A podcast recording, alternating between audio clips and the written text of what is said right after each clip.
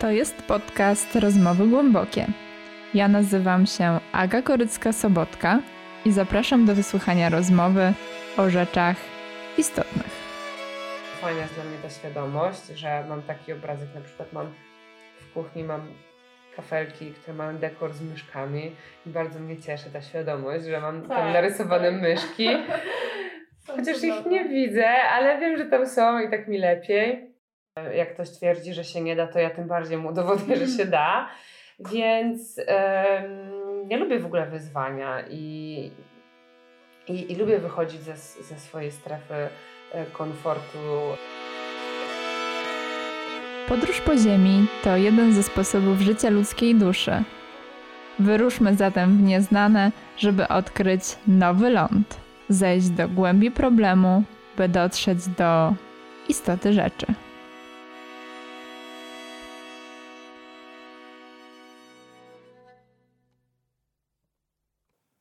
Monika. Cześć Jackson. Bardzo mi miło, że wreszcie udało nam się spotkać i głęboko porozmawiać. Znam... Ja też się bardzo cieszę. O, bardzo mi miło. Znałam Cię jako podróżniczkę, poliglotkę, naukowczynię, tenisistkę, a teraz jeszcze okazuje się, że jesteś znaną tiktokerką. E, tak, mnie to też zaskakuje. Prawie pół miliona obserwujących na TikToku, dziesiątki tysięcy na YouTubie. To znaczy tak, prawie pół miliona na TikToku to się zgadza, z tymi dziesiątkami to na razie jest jedna dziesiątka i kawałek następnej dziesiątki na YouTubie, więc... Myślę, że zanim ta rozmowa się okaże, to już będzie znacznie więcej. To jest całkiem możliwe. Możemy mówić o dziesiątkach um, tysięcy. E, więc do TikToka jeszcze wrócimy, ale zacznijmy od Twojej pasji, jaką są, jak sądzę, podróże, jedną z wielu na pewno. E, I zanim mm, zadam Ci pytanie, od którego dziś chciałabym rozpocząć naszą wyprawę, to trochę danych statystycznych. Czy pamiętasz, ile krajów odwiedziłaś? Oj, nie, nie liczyłam tego, ale yy, myślę, że większość krajów w Europie, ostatnio jak komuś wyliczałam kraje w Europie, które mi zostały, no to zmieściły się na palcach jednej ręki. Mhm. E, bo została mi Białoruś, Irlandia, Mołdawia, Macedonia, Albania. A, no jeszcze plus takie mm, mniejsze kraje typu Liechtenstein na przykład i Luksemburg. Do mm, odwiedzenia. Do odwiedzenia, tak. Mhm. E, no poza Europą, no to wiadomo, zdecydowanie mniej, no ale też parę ich było. więc, no nie wiem, y, musiałabym policzyć. Myślę, że to parę dziesiąt krajów na pewno było w sumie. Ale kontynenty wszystkie? No nie, nie. Nie byłam Jak w Australii. Nie byłam w Australii i nie byłam na Antarktydzie. No tak, jeszcze o tym zapomniałam, że, że jest taki kontynent. tam nie było. Tak, no. no tak, a powiedz ile czasu, mniej więcej oczywiście, spędziłeś za granicą? Mm, tak mieszkając, to mm, rok w Hiszpanii, e, 8 miesięcy we Włoszech, mm, później rok w Rosji, e, pół roku w Stanach i pół roku w Portugalii. To... Czyli szybko sobie policzyłam 3 lata i 8 miesięcy. Tak. No to w takiego mieszkania, no bo jeszcze jak do tego doliczyć podróże, no to pewnie by było dużo więcej. Wow, no to chyba więcej niż 4 lata można powiedzieć. Myślę, że tak. A w takim razie jeszcze kolejne pytanie statystyczne. Ile znasz języków? Mm, no czekaj, to też muszę policzyć. No angielski, wiadomo, hiszpański, rosyjski, chociaż z tym rosyjskim to już teraz tak, no ale powiedzmy, że znam. Włoski, e, no to są takie, które znam tak, żeby swobodnie gdzieś tam się porozumiewać. Znam też trochę portugalski, znaczy umiałam kiedyś lepiej, ale go nie używam od dawna i jak mam coś zrozumieć, to zrozumiem pewnie podstawowy dialog na zasadzie gdzie jest łazienka i ile kosztuje bilet, to jestem w stanie i dwie kawy i rogalika, to jestem w stanie przeprowadzić, ale no pewnie szybko gdzieś by mi się też odblokowały jakieś tam klapki. Czyli trochę mniej niż Tolstoj. Tak, jeszcze dążę do tego ideału.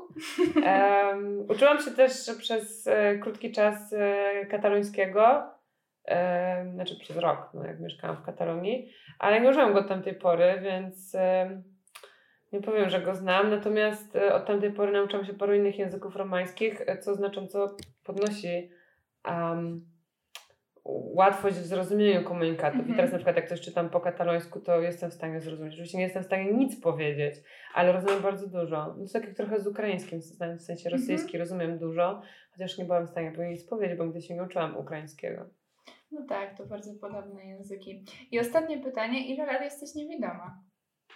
No to jest bardzo trudne pytanie, bo mm, nie wiem, jaki punkt należałoby obrać jako początek. E, Mhm. Bo tak oficjalnie, no to w wieku 18 lat e, ZUS stwierdził, że jestem niewidoma.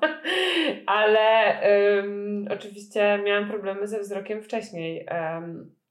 Zachorowałam jak miałam 4 lata i wzrok mi się wtedy bardzo pogorszył, ale widziałam, tylko dużo gorzej. Musiałam nosić takie grube okulary i korzystałam z lupy i tak dalej, ale jeszcze przez całą podstawówkę, która wtedy miała 6 lat, ym, że tak powiem, funkcjonowałam na bazie wzroku, tego słabego, ale wzroku. E, I dopiero jak poszłam do, do gimnazjum, to zaczęłam korzystać z Braille'a i tak dalej, ale wciąż jeszcze coś tam widziałam, na przykład nie chodziłam z białą laską. Mhm. Także no, u mnie to było bardzo stopniowe, także ciężko taki jeden konkretny, myślę, moment e, obrać w rzeczywistości.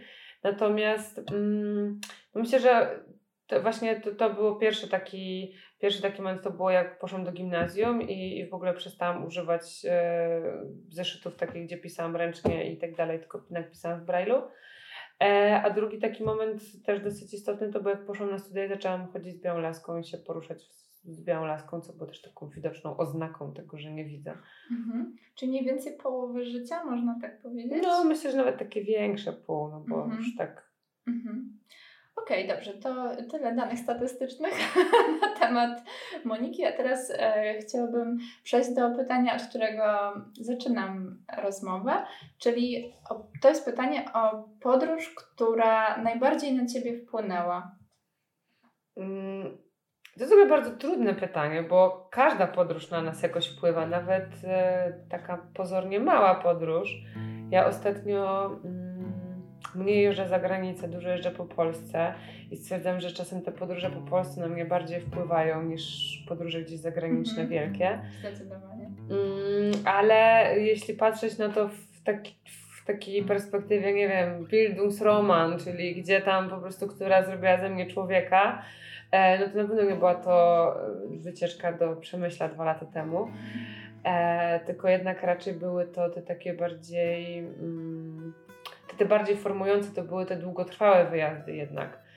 No, ciężko mi Mhm. powiedzieć, żeby wyjazd dwutygodniowy dokądkolwiek, E, o ile nie jest to, nie wiem, wyjazd do obozu dla uchodźców na przykład, albo jakieś inne Mhm. bardzo takie poważne przeżycie, no to wydaje mi się, że taki dwutygodniowy wyjazd jednak nie, e, nie, nie, nie jest w stanie jakoś tak bardzo wpłynąć na człowieka, więc w moim wypadku jednak byłyby to te po prostu pobyty za granicą.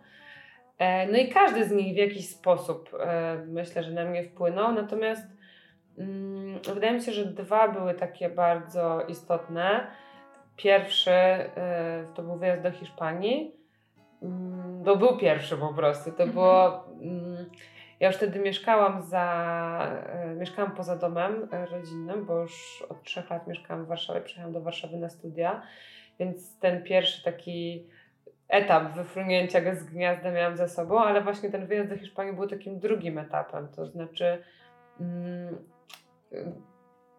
ten wyjazd, ten pobyt tam, to mieszkanie w Hiszpanii ukształtowało mnie e, pod wieloma względami. Z jednej strony mm, miało na mnie duży wpływ jako na osobę niewidomą, bo mm, po raz pierwszy byłam w zasadzie no tak e, prawie w 100% zdana totalnie na siebie, bo tutaj nawet jak mieszkałam w Warszawie, miałam tutaj mnóstwo znajomych, bo mnóstwo e, moich znajomych przyjaciół klasy i z gimnazjum, i z liceum, i w ogóle ze szkoły mm, poszło do Warszawy na studia, więc zawsze jak miałam tutaj jakiś problem, no to zawsze mogłam do kogoś zadzwonić e, i zawsze jakby miałam na kogo liczyć w Barcelonie, tak nie było. Mm, Miałam tam jedną koleżankę na początku, w sensie mm, be- jadąc tam, znałam tam na miejscu jedną osobę, E, potem też wiadomo, poznałam jakichś tam innych znajomych i tak dalej, e, ale no to nie było tak jak tutaj. Więc du dużo musiałam rzeczy się nauczyć robić totalnie sama. Na przykład dużo właśnie było takich rzeczy, które w Barcelonie po raz pierwszy zrobiłam totalnie sama. Na przykład musiałam sama pojechać na lotnisko bo gdzieś tam leciałam. I mm, no, to było coś traumatyczne dla mnie Mhm. przeżycie, bo oczywiście dla mnie w ogóle latanie jest traumatycznym przeżyciem, jeszcze musiałam sama tam pojechać, to już w ogóle. No ale dam radę i generalnie właśnie tam się nauczyłam, że e, mogę się sama poruszać po miejscach, których nie znam, po prostu się dopytuję ludzi i tak dalej. Też musiałam przełamać wiele jakichś takich swoich lęków wewnętrznych i, i ograniczeń. Więc e, e, pod tym względem, na przykład e, też zaczęłam, dopiero w Hiszpanii tak naprawdę zaczęłam na jakąś na większą skalę sobie gotować samodzielnie jedzenie. Mhm. Bo w, jak mieszkałam w Polsce w akademiku, no to wiadomo, dużo się przywoziło z domu, to raz. Mm, Dwa, gdzieś tam były jakieś takie tanie stołówki studenckie. No i jakoś to było. Wiadomo, że coś tam sobie ugotowałam, ale nie jakoś super dużo i często. Na w Hiszpanii jednak żywienie się na mieście jest dosyć drogim interesem.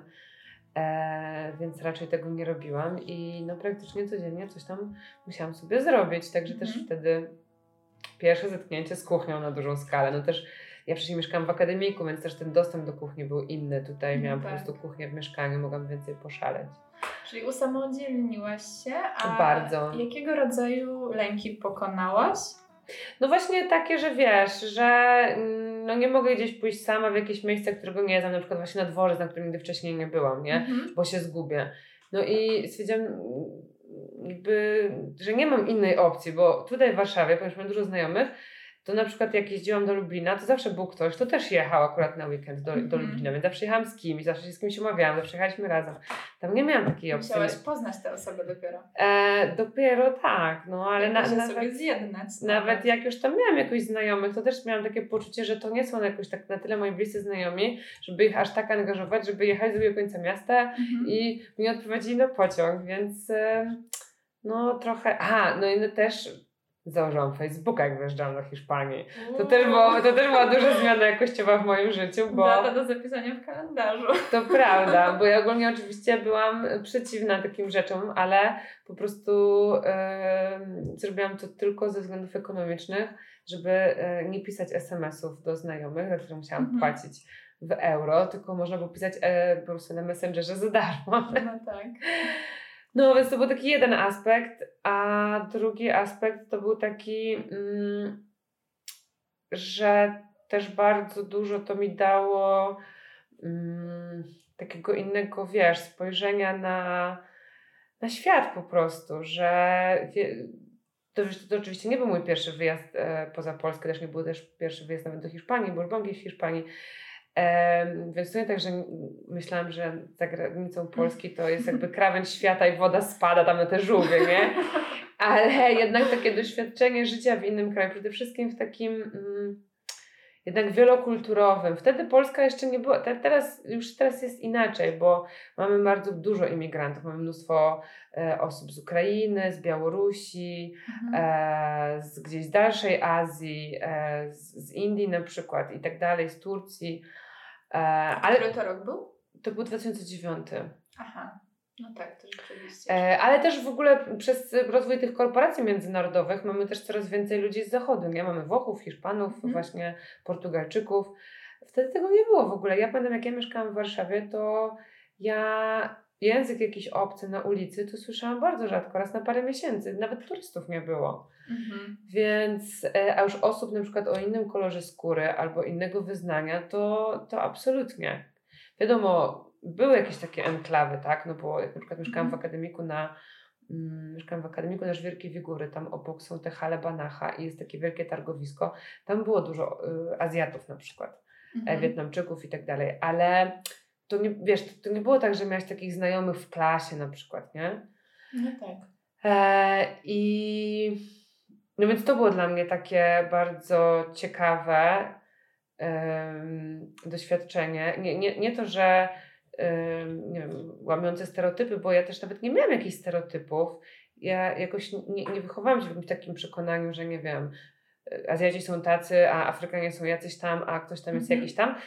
Ja, ja po prostu nawet nie miałam za bardzo w ogóle zdania na ten temat, nie? Bo nie miałam kontaktu z tymi ludźmi. Mhm. Em, więc dla mnie to było bardzo ciekawe, że ja nagle miałam na zajęciach w, gdzieś tam właśnie osoby na przykład z Afryki i kurczę, miałam, e, nie wiem, kolegę z Beninu i jak on to po raz pierwszy powiedział, że jest z Beninu, to ja trzy razy pytałam, ale skąd?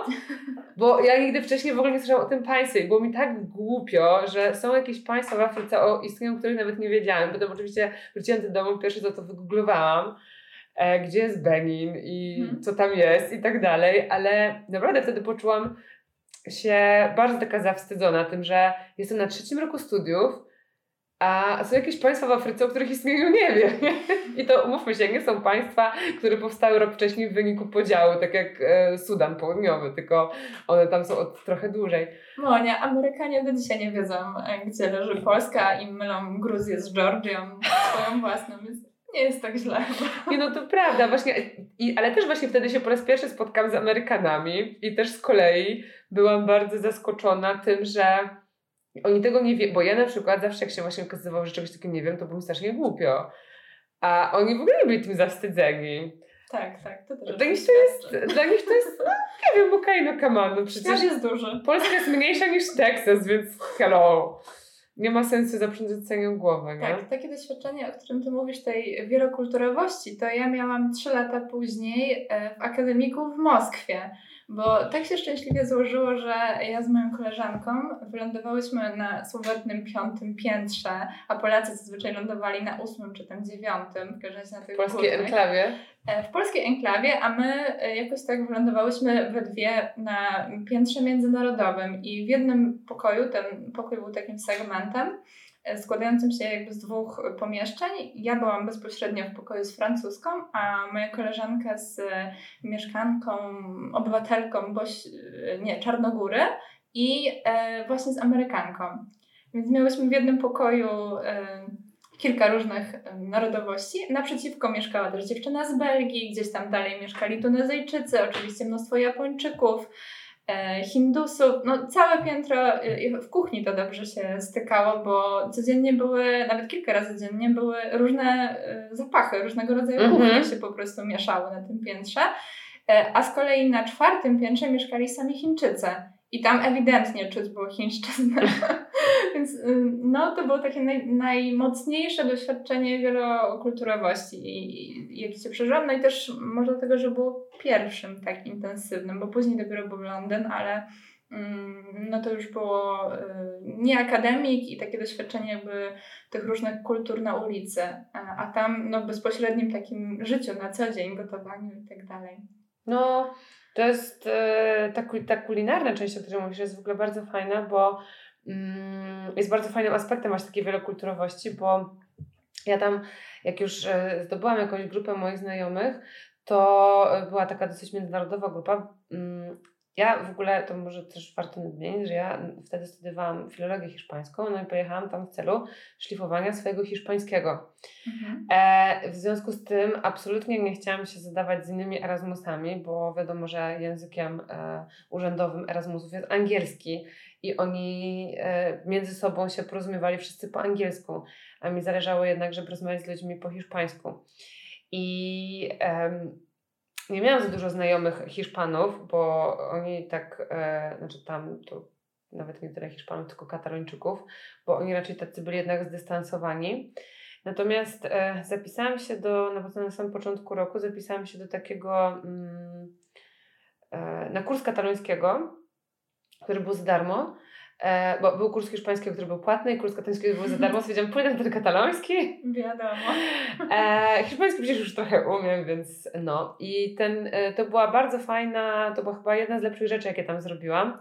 E, to była bardzo fajna, to było bardzo fajne posunięcie strategiczne, e, dlatego, że ten kurs katalońskiego był prowadzony przez taką organizację, mm, która zajmowała się właśnie promowaniem kultury katalońskiej.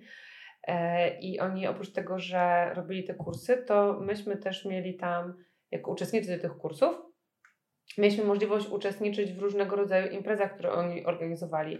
E, I to było raz chyba w, raz na dwa tygodnie, czy raz w miesiącu to było zwiedzanie Barcelony mhm. takie tematyczne, na przykład Barcelona rzymska, albo Barcelona modernistyczna, albo Barcelona średniowieczna. Taki po prostu spacer z przewodnikiem, nie? Mhm.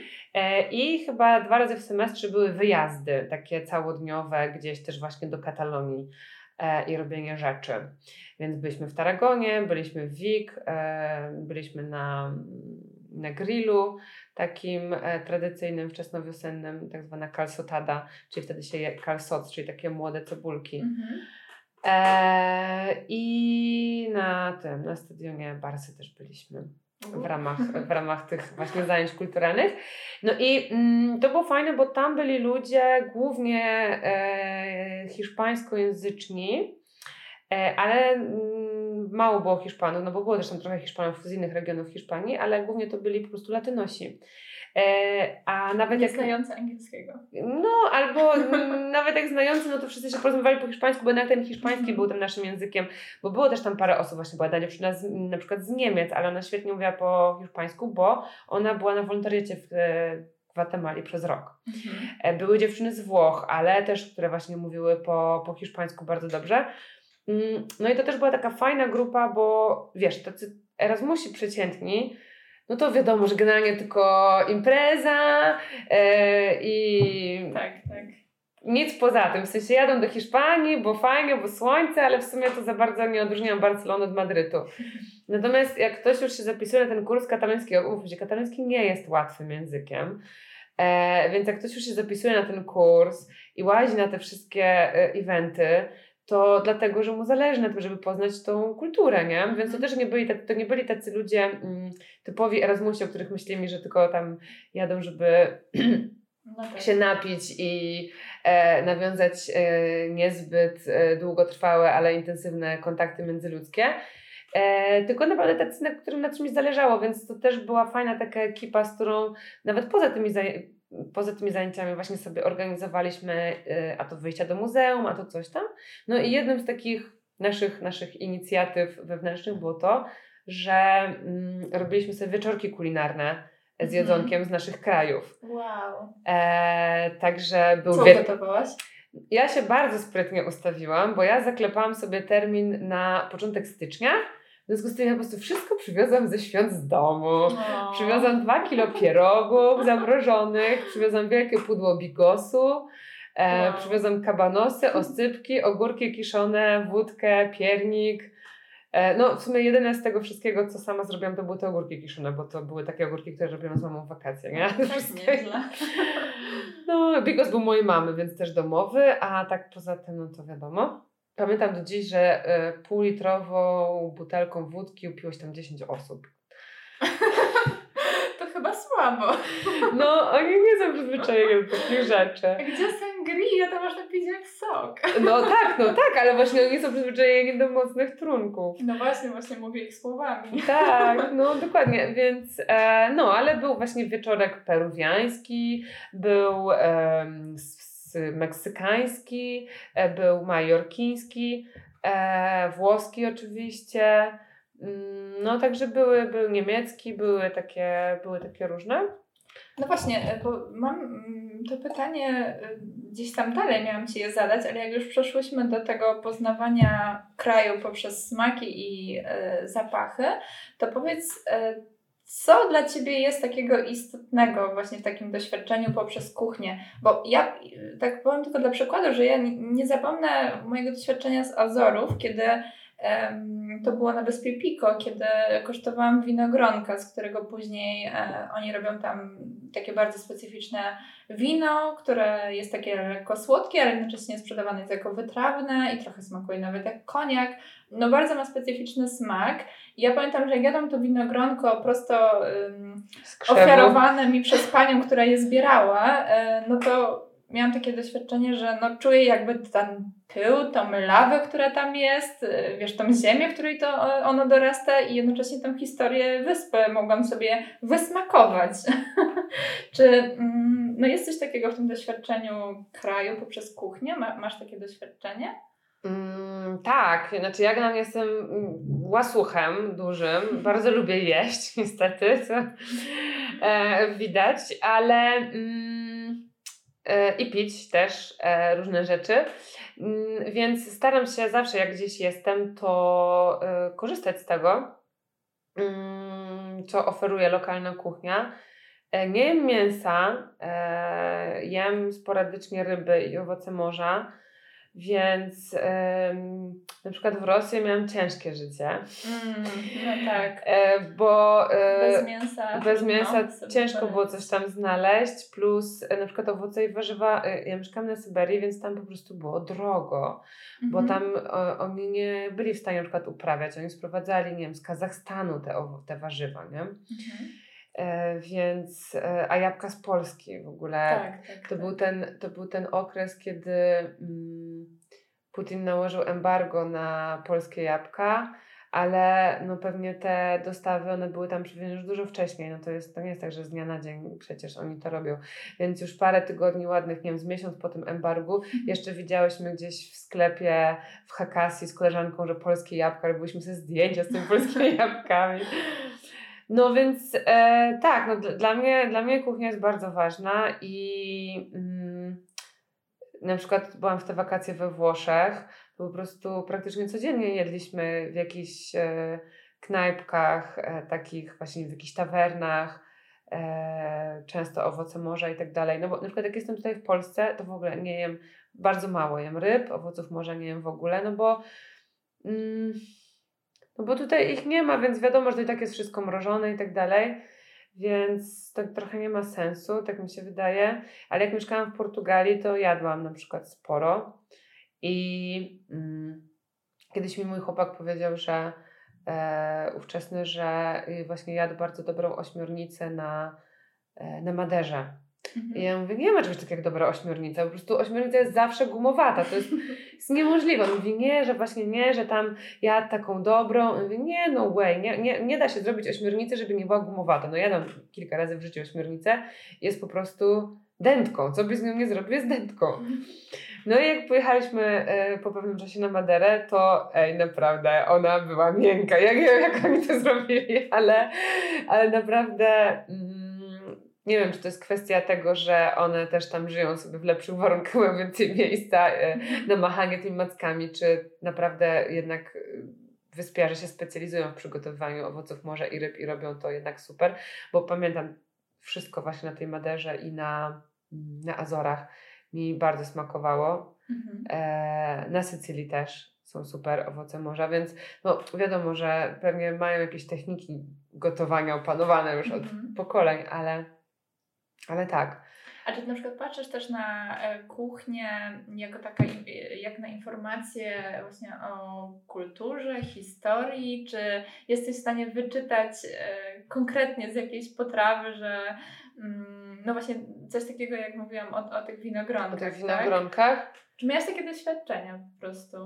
Wiesz co, e, to znaczy mm, ja w ogóle lubię takie różne ciekawostki jakieś historyczno-kulturalne, więc często faktycznie jest tak, że jakiejś potrawie słynnej towarzyszy jakaś historia.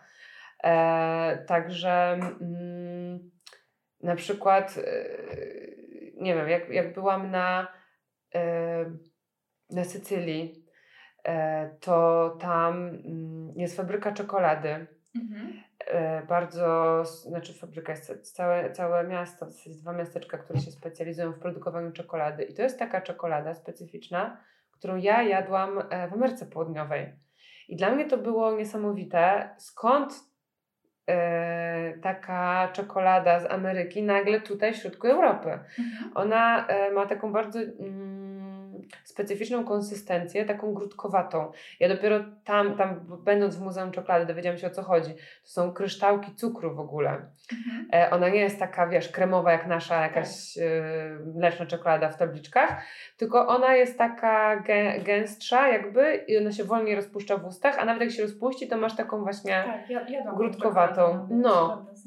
I, i, i, I dopiero potem właśnie się dowiedziałyśmy e, z wiolą, jak to jest tam produkowane, że to się wytrąca ten um, właśnie te, te kryształki cukru i tak dalej, i tak dalej. I dla mnie na przykład to było mega fascynujące. Skąd yy, na Sycylii to mhm. jest, tak? No i, i, dowiedziałam się jakby z tego, z tego muzeum, że to po prostu mm, jezuici, którzy siedzieli w Ameryce, a potem zostali, że tak powiem, rozwiązani w Ameryce i musieli uciekać do Europy i gdzieś tu się osiedlili założyli faktorię czekolady według tej receptury, którą znaleźli z Ameryki Południowej i to do tej pory jest produkowane, nie? Mhm. Więc um, tego typu historie lubię bardzo zbierać i kolekcjonować. Super.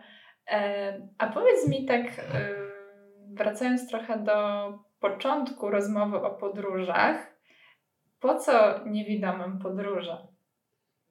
To jest bardzo dobre pytanie. Um, dużo ludzi o to pyta. Ja nie mam dobrej odpowiedzi, ja po prostu lubię podróżować. To tak jakby zapytała, po co niewidomym Nutella? No kurczę, bo niektórzy lubią, no i fajnie sobie zjeść Nutellę, nie? Ale nie wszyscy muszą to lubić. Ale wiesz, dlaczego ludzie o to pytają? No, ja wiem, że już to pytanie Ci zadali, bo wiedziałam nawet Twoją odpowiedź, więc znam Twoją odpowiedź na to pytanie, ale mm, moim zdaniem ludzie pytają o to dlatego, że często sami mierzą się z jakimiś swoimi drobnymi ograniczeniami, które no, powodują, że na przykład nigdy nie byli za granicą albo e, no nie wiem, boją się wyjść poza własną strefę komfortu, niekoniecznie związaną z podróżami, a tu nagle no, spotykają taką Monikę, która opowiada, że zwiedziła pół świata. E, no i, i tu, tu się rodzi ta ciekawość moim zdaniem, czyli skąd ty bierzesz, de facto to jest o to pytanie, że skąd ty bierzesz sobie odwagę, by zwiedzać świat, by właśnie opuszczać tą swoją strefę komfortu i narażać się na niedogodności związane z tym, że sama musisz gdzieś dotrzeć, użyć innego języka, zapytać kogoś o drogę. Mm, wiesz co, mi się wydaje, że że jest trochę inaczej. Wydaje mi się, że przyczyna tego pytania le leży zupełnie gdzie indziej. Mhm. E, wydaje mi się, że mm, ludziom się po prostu wydaje, że się podróżuje po to, żeby zobaczyć jakieś miejsce i że jak nie widzisz, to nie ma sensu tam jechać. Mhm. E, tak. Że ludzie utożsamiają e, doświadczenie z widzeniem. To jest w ogóle bardzo. Mm, to jest część większego zjawiska, które e, dopiero od niedawna potrafię nazwać czyli okulocentryzm, czyli że mhm. uważamy, że najważniejszym tym zmysłem, znaczy głównym zmysłem naszym jest wzrok i, i pod to wszystko jest podporządkowane i um, tak budujemy świat. To jest poniekąd naturalne, bo człowiek e, z punktu widzenia biologicznego jest po prostu wzrokowcem jako gatunek, tak jak psy na przykład polegają na węchu, a nietoperze na słuchu, no to człowiek polega na wzroku, tak, tak wyewoluował. Um, więc jest naturalną konsekwencją tego, że głównym jednak um, zmysłem, przez który czerpiemy wiedzę o świecie, jest wzrok, no to też jakby to rzutuje na wiele naszych, e, nawet na język, nie? E, mamy bardzo mhm. dużo sformułowań, które gdzieś tam o, o, mówimy tak, o tak. poglądach na przykład, prawda? Mhm. Albo o perspektywie, albo o punkcie widzenia, nawet takim przenośnym znaczeniu. Więc myślę, że tutaj się zasadza ten, ten, e, to zdziwienie ludzi, że po co gdzieś jechać, skoro się tego nie zobaczy. E, no a ja uważam, że właśnie tym bardziej trzeba jechać, skoro się czegoś nie zobaczy, bo mówiłaś o tym Sfinksie w Egipcie, że ludzie jadą zobaczyć Sfinksa, ale nie trzeba jechać do Egiptu, żeby zobaczyć, jak wygląda Sfinks, bo możesz sobie otworzyć zdjęcie w internecie. Tak, to jeszcze za kulisami rozmawialiśmy o tym, bo to było eee, No dobrze, no ale myślę, że ten, ten przykład jest jakby dosyć... Tak, tak, tylko mówię słuchającym, żeby znali kontekst, bo nic, o, nie, nie ominęło Was nic, nie rozmawiałyśmy teraz o Sfinksie. Eee, tak, tak, tak, Agnieszka mówiła o tym, że, że ludzie jeżdżą do Egiptu, żeby zobaczyć Sfinksa, a tak naprawdę nie trzeba jechać do Egiptu, żeby wiedzieć, jak Sfinks wygląda, nie? Bo wystarczy sobie otworzyć zdjęcie w internecie czy jakąkolwiek książkę do historii. A mhm. osoba mhm. niewidoma nie jest w stanie tego zobaczyć i mm, tym bardziej właśnie trzeba gdzieś pojechać, żeby czegoś doświadczyć. Ja na przykład parę lat temu byłam um, z moją koleżanką, byliśmy w Laponii i trek, miałyśmy kilkudniowy trekking przez tundrę. No i ja dopiero będąc w tej tundrze mm. jestem w stanie stwierdzić, ona jak ona wygląda, bo mm. miałam w podręczniku do geografii zdjęcie tundry i opis, że to jest wielka równina porośnięta chrobotkiem reniferowym i krzewinkami, ale to taki opis nie jest tak obrazowy jak zdjęcie, albo właśnie jak możliwość stania tam i czucia tej przestrzeni i, i dotknięcia faktycznie tych, tych roślinek e, dziwnych, mhm. małych. No tak. Tutaj no, znowu przechodzimy do tego tematu doświadczenia innymi zmysłami niż wzrok, który nieustannie mnie fascynuje i no właśnie też zastanawia mnie, czy uważasz, że mitem jest, że osoby niewidome mają bardziej wyczulone te zmysły, czy po prostu no tak jest rzeczywiście? Mm, wiesz co, to zależy jak to zinterpretujemy. Um, wyczulone to nie jest dobre słowo. Um, po prostu bardziej korzystamy z innych zmysłów. To jest tak, że um, y, po prostu, mm, tak jak mówiłem, ponieważ człowiek jest wzrokowcem, to mm, około podobno 80% y, informacji, bodźców, które docierają do naszego mózgu, trafia przez e, właśnie zmysł wzroku. Mhm. Więc na pozostałe zmysły zostaje około 20% w sumie, a pozostałych jest 4%. Mhm. Więc średnio rzecz biorąc masz około 5% swojej uwagi, którą możesz poświęcić na to, co słyszysz albo na to, co czujesz. E, więc de facto to nie jest za dużo i po prostu nie zwracasz na to uwagi. To nie jest tak, że idąc ulicą nie słyszysz tego, że jedzie tramwaj, tylko ponieważ ty go widzisz, to nie myślisz o tym, że też go słyszysz, bo ta informacja do mózgu pod tytułem jedzie tramwaj dotarła innym kanałem, więc nie ma sensu jej dublować. Mhm. Jeszcze kanałem dźwiękowym, bo e, nasze tak zwane pole uwagi, czyli właśnie ta ilość bodźców, która się do mózgu jest w stanie przebić, jest ograniczona. E, nie jesteśmy w stanie przetwarzać za dużo informacji jednocześnie. E, więc po prostu osoby widzące przetwarzają głównie informacje wzrokowe, a osoby niewidome głównie informacje z pozostałych zmysłów i po prostu jesteśmy bardziej wytrenowani w tym, żeby z nich korzystać. Natomiast to nie jest tak, że osoby niewidome mają słuch absolutny, no bo to są po prostu kwestie jakieś tam wrodzone i albo ktoś się urodzi z słuchem absolutnym, albo nie. I to nie ma nic wspólnego z tym, że e, wiesz, nie rodzisz się ze słuchem absolutnym po to, żeby za 20 lat stracić wzrok, nie? No tak, Ciężko to, to przewidzieć. Chyba rozwoju tych zmysłów, które jakoś kompensują później w miarę treningu, można powiedzieć, e, no to doświadczenie rzeczywistości, którego nie daje wzrok. Tak? Mm, trochę tak, aczkolwiek e, ja nie jestem e, zwolennikiem właśnie um, używania takiej retoryki kompensacji, Aha. zastępowania czegoś, e, ale mm, po prostu jest to in, in, inny sposób odczuwania, nie? To jest tak jak masz e, nie wiem, masz w bloku windę albo schody, no możesz mhm. wjechać na górę windą albo możesz wejść schodami. Efekt będzie ten sam, dojdziesz na górę, e, ale po prostu zrobisz to w inny sposób i ani nie lepszy, ani nie gorszy, po prostu inny. I, to, i e, wysiądzie ci winda, no to jesteś i tak zmuszona iść tymi schodami, ale to nie znaczy, że te schody się jakoś zmienią od tego, że ty będziesz nimi dużo razy chodzić, one będą takie same. Mhm. ale ty będziesz po pewnym czasie szybciej tymi schodami wchodzić, bo jak codziennie chodzisz po schodach, to się robisz bardziej wytrenowana, wiesz o co chodzi. Tak, tak, e, ale to mnie prowadzi do kolejnego pytania, bo e, to jest w ogóle bardzo ciekawe, że no de facto w tym, co mówisz, świat w tym doświadczeniu, o, jakim opowiadasz, wygląda tak samo, o ile, i tu jest właśnie moje pytanie, nie wyraźniej niż u osoby niewidomej. I moje pytanie, y, widzącej. moje pytanie jest takie, czy dzięki jakby wyłączeniu wzroku, jeżeli mogę tak powiedzieć, uważasz, że wchodzisz być może głębiej w poznawane miejsce, że możesz dosłownie dotknąć tego miejsca? W takim mm. metaforycznym sensie? no, w, metaforycznym i w dosłownym. no, tak. Jak byłam w Muzeum Watykańskim, to pozwolili mi dotknąć grupy Leokona, czego nie pozwalają robić wow. innym ludziom, nie? Więc you know, jak najbardziej mogę dosłownie dotknąć to, czego nie mogą dotykać inni. Wow. Um, no, więc, znaczy nie tylko grupy Leokona, żeby było jasne, na przykład przy grupie Leokona... w ogóle można dotykać rzeźby, niewidomi mogą, prawda? Tak, tak, tak. Mhm. No nie tylko grupy Leokona, tylko przy grupie Leokona zrobiłam aferkę. E, bo dotknęłam y, czegoś, czego nie powinnam dotykać, się włączył alarm. No ale nieważne, w każdym razie...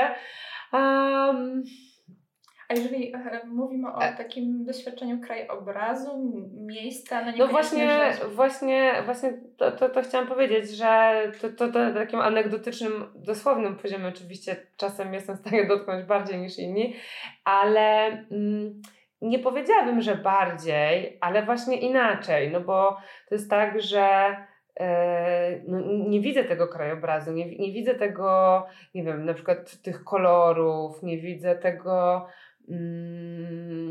tej perspektywy, tak, że nie wiem, że jesteśmy w górach i że te szczyty są zamglone. No jestem sobie w stanie to jakoś trochę wyobrazić, ale też nie do końca, więc o to doświadczenie jestem uboższa i to jakby nie ulega wątpliwości. Natomiast z drugiej strony po prostu skupiam się na takich rzeczach, na które ktoś inny nie zwraca uwagi i o to doświadczenie jestem bogatsza. Mhm. Więc... A jakie to są rzeczy? No chociażby właśnie dźwięki, e, zapachy. Dla mnie jednym z takich e, mm,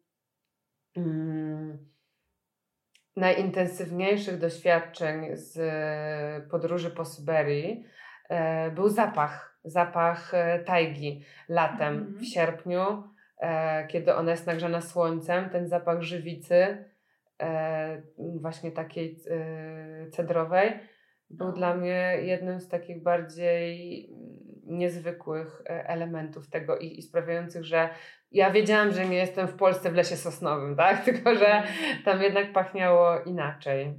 To, y, bo nie powiedziałyśmy, że ja o tym wiem, bo rozmawiałyśmy za kulisami, że Rosja to jest, ta podróż do Rosji to jest ta druga, y, najważniejsza podróż w Twoim życiu, prawda? Tak, to prawda. Mhm, to m, może zatrzymajmy się chwilę na Rosji. E, co takiego m, doświadczyłaś i w jaki sposób doświadczyłaś w Rosji? E, co właśnie było dla Ciebie takie inspirujące, m, takie ważne?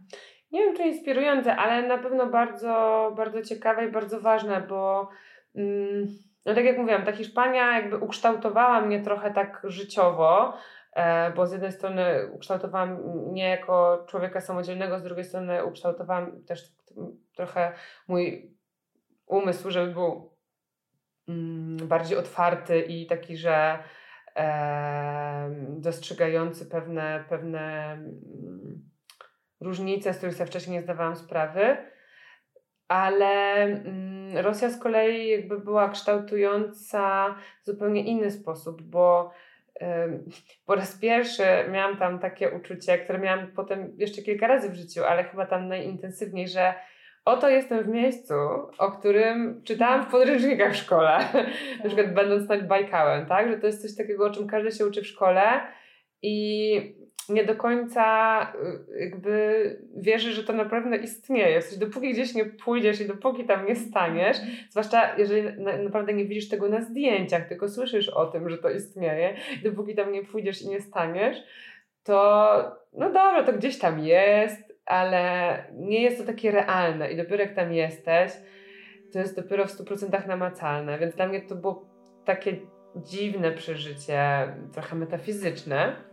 Ale tu akurat powiem Ci, że moje doświadczenia są bardzo podobne, bo ja też czytałam o Bajkale i sobie tak wyobrażałam, jak może wyglądać właśnie ta e, tajga czy tundra i właśnie o tych miejscach e, z kart Puszkina. I to dla mnie mm, równie było nieistniejące, tak można powiedzieć, jak, jak chyba u Ciebie. I to dotknięcie Rosji i rzeczywiście tych miejsc, no to chyba ma dużo wspólnego z tym, o czym ty chcesz mówić, że to jest takie urealnienie tego, o czym się czytało. Tak, takie ucieleśnienie w pewien sposób. Mhm. E, materializacja właśnie tych, tych e, książkowych wszystkich, bo z jednej strony właśnie to, co ty mówisz, Puszkin, prawda, to, to co znamy z literatury, ale z drugiej strony właśnie nawet takie zwykłe rzeczy z, z geografii, z geografii albo mhm. z historii, nie? E, więc mm, tak, no jak nie wiem, byłam w Moskwie na Placu Czerwonym, no to to jest takie coś, o czym jakby czytało się w, w podręcznikach do historii i nagle tam jesteś i mhm. um, no jest to, jest to ciekawe przeżycie. Z drugiej strony to była dla mnie trochę taka podróż w przeszłość, no bo ta Rosja, zwłaszcza ta tak. Rosja za, e, za Uralska, ta Rosja, ta Rosja azjatycka, mm, no trochę wygląda, ma się tam wrażenie, jakby czas się zatrzymał te 40 lat temu. Oni bardzo często nie mówią Rosji, oni bardzo często mówią Sojus mhm. ciągle, nie? Mhm. Um, I z jednej strony to było takie, to właściwie to było też, to było znowu trochę może mm, też związane z tym, że to są rzeczy, o których czytam w podręcznikach historii, że tak kiedyś było i nagle teraz widzę, jak to jest na, w sensie, że jak, jak, to, jak to działa w, prak w praktyce? Ten, ten system radziecki, on tam nadal na wielu a, poziomach, na wielu płaszczyznach, nawet takich paradoksa, takich drobiazgach życiowych e, jest, że nie wiem, mm, w autobusie e, oprócz kierowcy jeszcze jest e, konduktor albo konduktorka, która Tak. sprawdza Mhm. bilety, nie? I sprzedaje je. i sprzedaje. Albo że e, na przykład w tym, mm, jak wsiadasz do pociągu, to ci zabierają bilet i sprawdzają ci w ogóle paszport i tak dalej. I dopiero ci oddają, jak wysiadasz, nie? Mhm. Wszystko jest takie, ta kontrola jednak jest bardzo A obecna. piłaś e, herbatę w podstakancikach? Tych srebrnych podstawkach, e, częs- często ze żłobionym jakimś herbem miasta, czy e, dwugłowym orłem rosyjskim? Nie, nie piłam, ale widziałam.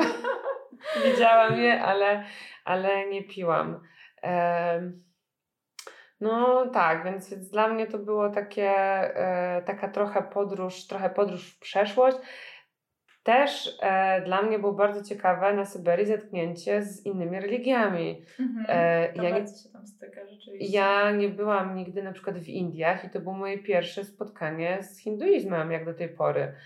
E, pierwszy raz w życiu byłam w, w, właśnie w buddyjskich, e, boże nie z hinduizmem, tylko z buddyzmem, przepraszam.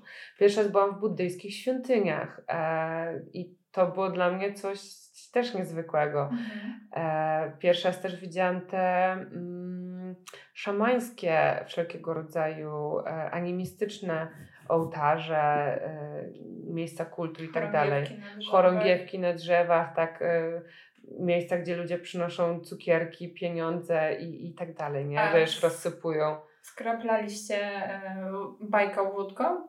Nie. No to podobno jak się przyjedzie, to należy tak zrobić, żeby duchy Bajkału też były...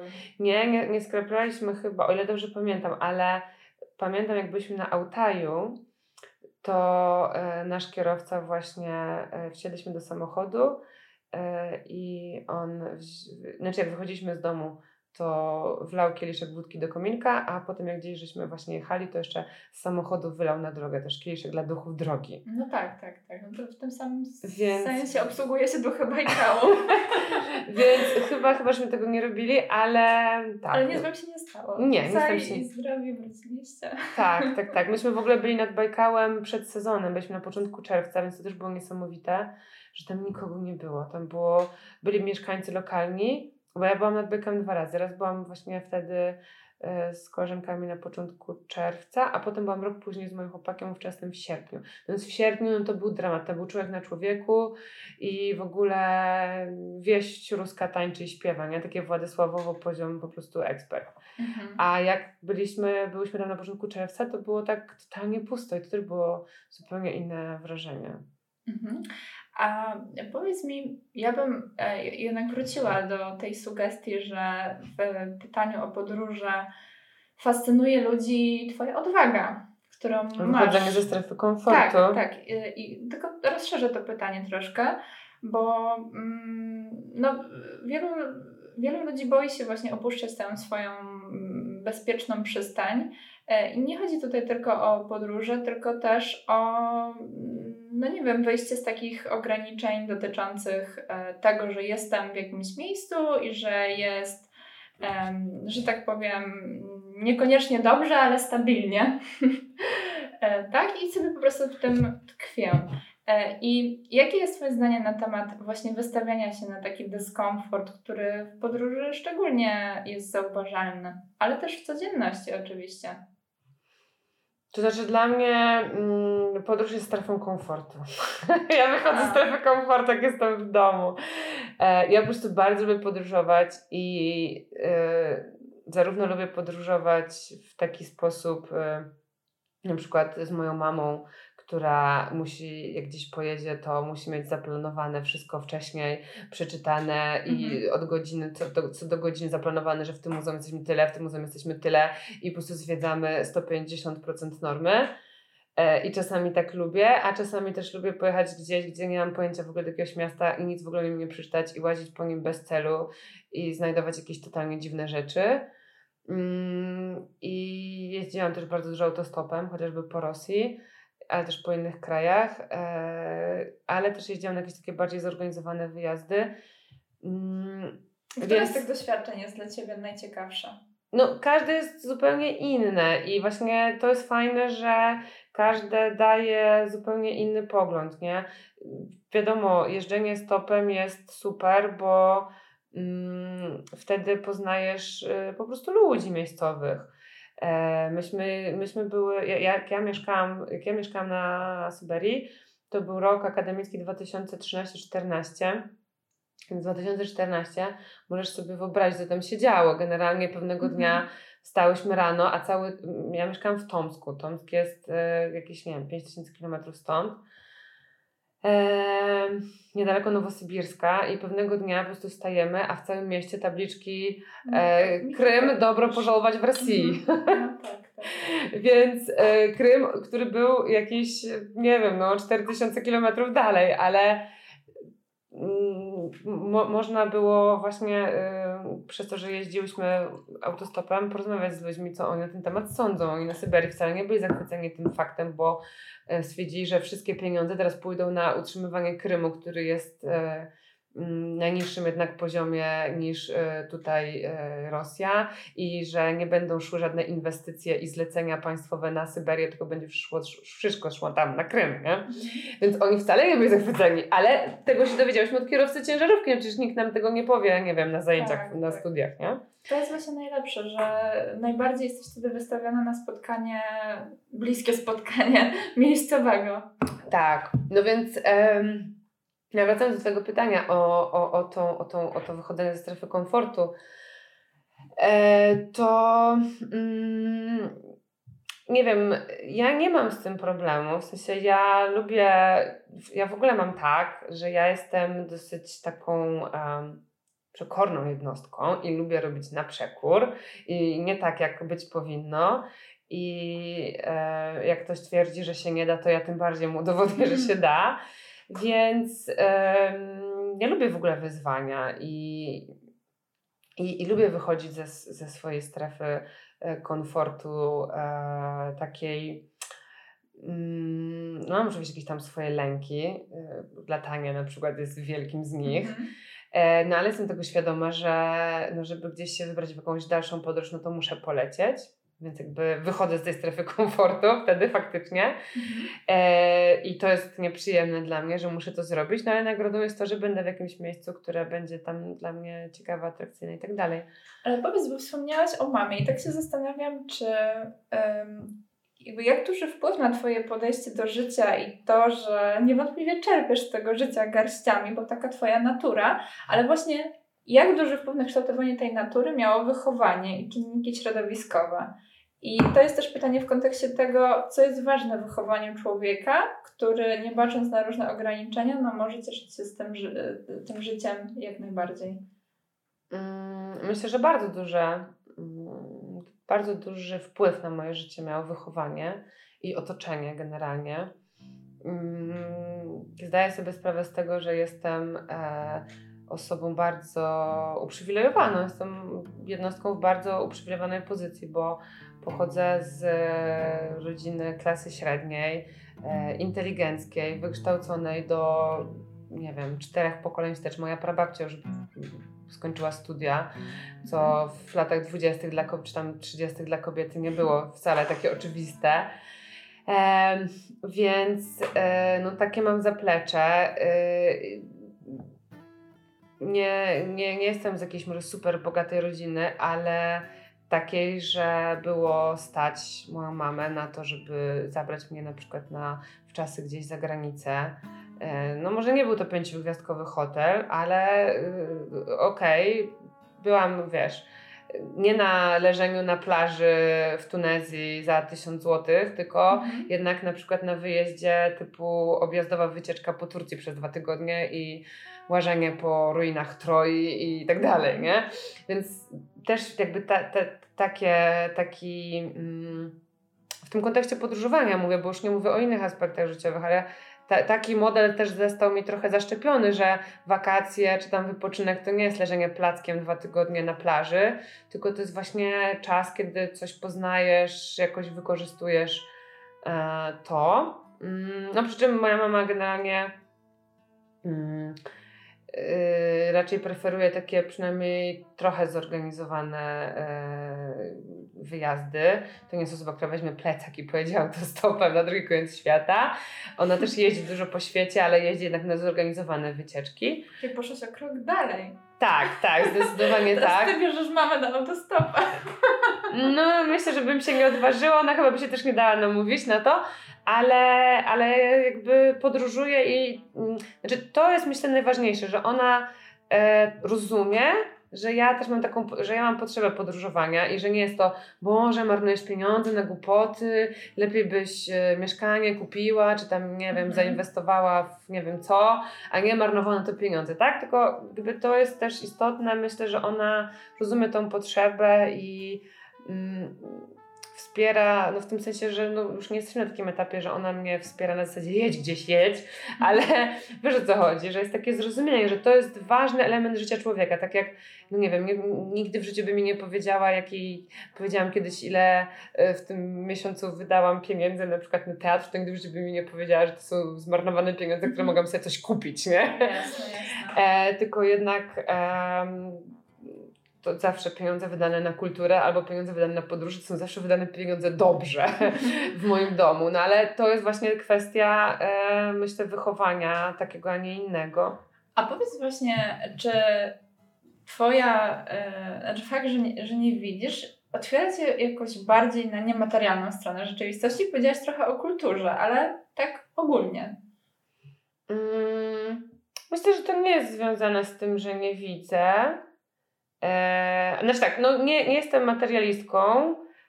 Nie, nie mam, znaczy, tak mi się wydawało do tego roku, ale w tym roku, kiedy moje rzeczy utknęły na pół roku w Madrycie, z perspektywą taką, że nie wiem, czy w ogóle do mnie kiedyś wrócą, to byłam tak nieszczęśliwa, że moja ukochana sukienka i mój ukochany naszyjnik tam zostały i moje buty i moje to i moje tamto. To stwierdziłam, że chyba jednak jestem materialistką, bo przywiązuję się do rzeczy bardzo. Na przykład mam coś takiego, że e, bardzo nie lubię wyrzucać ubrań. W sensie, jak już mam jakieś Mhm. ubranie, które lubię, to po prostu noszę je, aż mi spadnie z grzbietu, bo, bo przywiązuję się i do ubrań, i do, i do biżuterii, i do takich rzeczy, które lubię. Moja mama to już czasami jak ją proszę, żeby mi, nie wiem, zaszyła coś po raz piąty, to już mówi, że już więcej nie, bo po prostu już nie ma gdzie igły wbić i tak dalej. Em, ale, ale oczywiście zawsze się godzi, bo jest kochana. Mm, więc przywiązuję się bardzo do rzeczy jednak, ale nie mam takiej, wiesz, materialnej potrzeby, żeby mieć, nie wiem, jakiś super telewizor albo super e, mm, jakiś no nie wiem, samochodu to nie, ale no nie wiem, jakieś takie gadżety, najnowszy telefon albo najnowsze coś tam, nie? Więc to na pewno nie. Em, ale myślę, że to nie jest związane z tym, że nie widzę, tylko raczej z tym, że to mm, na przykład, no nie wiem, nie mam potrzeby posiadania telewizora, bo oglądanie telewizji nie jest dla mnie fajną rozrywką i to nie dlatego, że nie widzę, bo teraz już jest bardzo dużo możliwości, jest dużo programów w telewizji, nie wiem, z audiodeskrypcją i tak dalej, ale po prostu wolę czytać książki i tyle, nie? Więc, no ale właśnie to, że nie widzę na przykład sprawia, że nie kupuję książek. Gdybym widziała, na pewno miałabym mnóstwo książek, a ponieważ nie widzę, to ich, e, no nie ma sensu posiadania dla mnie papierowych książek, to, jakby to Ale może jest jakiś masz plusik. Dużo audiobooków i e-booków, e-booków nie, ale audiobooków. No mam, znaczy e-booków też mam sporo, no ale to wiesz, ja je pobieram sobie z biblioteki i trzymam je na, na komputerze. Ale e, dużo oszczędność miejsca. To prawda. tego zazdroszczę. No, Znaczy, znaczy ja czasem oczywiście też trochę żałuję, bo chciałabym czytać książkę taką, wiesz, papierową i przewracać te kartki i czuć po prostu jak e, pachnie ten stuletni papier i to jest na pewno Mm. mega fan, w sensie chciałabym to robić, ale no nie ma sensu dla mnie obiektywnego posiadania e, książek, więc po prostu ich nie kupuję. I tak e, mam w domu sporo rzeczy, które no są po prostu wizualne, są jakimiś, nie wiem, plakatami albo, albo wiesz, jakimiś ozdobionymi tak czy inaczej rzeczami, e, bo fajna jest dla mnie ta świadomość, że mam taki obrazek, na przykład mam w kuchni, mam kafelki, które mają dekor z myszkami i bardzo mnie cieszy ta świadomość, że mam tam Tak, narysowane tak. myszki, chociaż ich nie widzę, ale wiem, że tam są i tak mi lepiej. A czy są jakieś rzeczy, bo wspomniałaś o tym dotyku kartek i pomyślałam, mm, żeby Ciebie zapytać e, o to, czy są jakieś rzeczy, które lubisz dotykać jakoś szczególnie. Mm. Lubię skały. O, bo też się wspinasz, Spi-. Wspinam się. Znaczy teraz to już nie nazywam tego wspinaniem się, bo teraz to już chodzę na ściankę raz na ruski rok, ale kiedyś się wspinałam intensywnie. Mm, przy czym jednak głównie na, na ściance takiej w hali. Byłam parę razy w skałach. E, raz w Polsce, parę razy gdzieś tam za granicą. Ale nawet właśnie jak e, się nie wspinam, tylko no, dużo chodzę po górach. E, Mhm. Teraz też już trochę mniej, bo niestety już tak za bardzo nie mam z kim, ale kiedyś chodziłam dużo i strasznie lubiłam właśnie mm, skały. No, dla mnie to jest po prostu niesamowicie fajna sztuka współczesna, e, stworzona przez naturę. Mm, I no, to jest jeden z takich elementów krajobrazu, który jest dla mnie dostępny, nie? bo widok typu stoję na szczycie góry i dookoła są piękne szczyty, to jest coś, co nigdy nie będzie dla mnie osiągalne, Mhm. nie? Żeby jakoś tego dotknąć. No może mi to ktoś opisać, ale nigdy tego nie dotknę. Natomiast skały są czymś takim, czego mogę namacalnie dotknąć, nie? Mhm. Więc e, uwielbiam. No w tym roku nawet e, jeszcze jak byłam w Hiszpanii, to byłam właśnie w takim parku e, krajobrazowym, gdzie jest dużo skał w różnych dziwnych kształtach. I to było super. Więc tak, no to lubię skały. Musisz e, się wspiąć, bo mm, jest wspinacz, o którym robiliśmy dokument, Artur Guma, Pierzchniak. E, I no właśnie na cześć tego dokumentu stworzył e, trasę, którą nazwał, kurczę nie pamiętam, bo bardzo śmiesznie nazywa te skały, ale coś w stylu Aga Scenario. I to jest w ogóle moja trasa. Okej. Więc e, muszę Ci później powiedzieć, gdzie ona jest. ona się znajduje, no właśnie. na nią Musimy- będziesz wspinać, bo... Ej, to możemy tak zrobić. To musisz mnie skontaktować z panem Arturem i może jakoś wiesz. Ja nie wiem, czy ona jest dla mnie osiągalna, bo to jest jakiś em, nie, nie najłatwiejszy poziom trudności, ale może dla Ciebie, jak jesteś bardziej wprawiona, już będzie dostępna.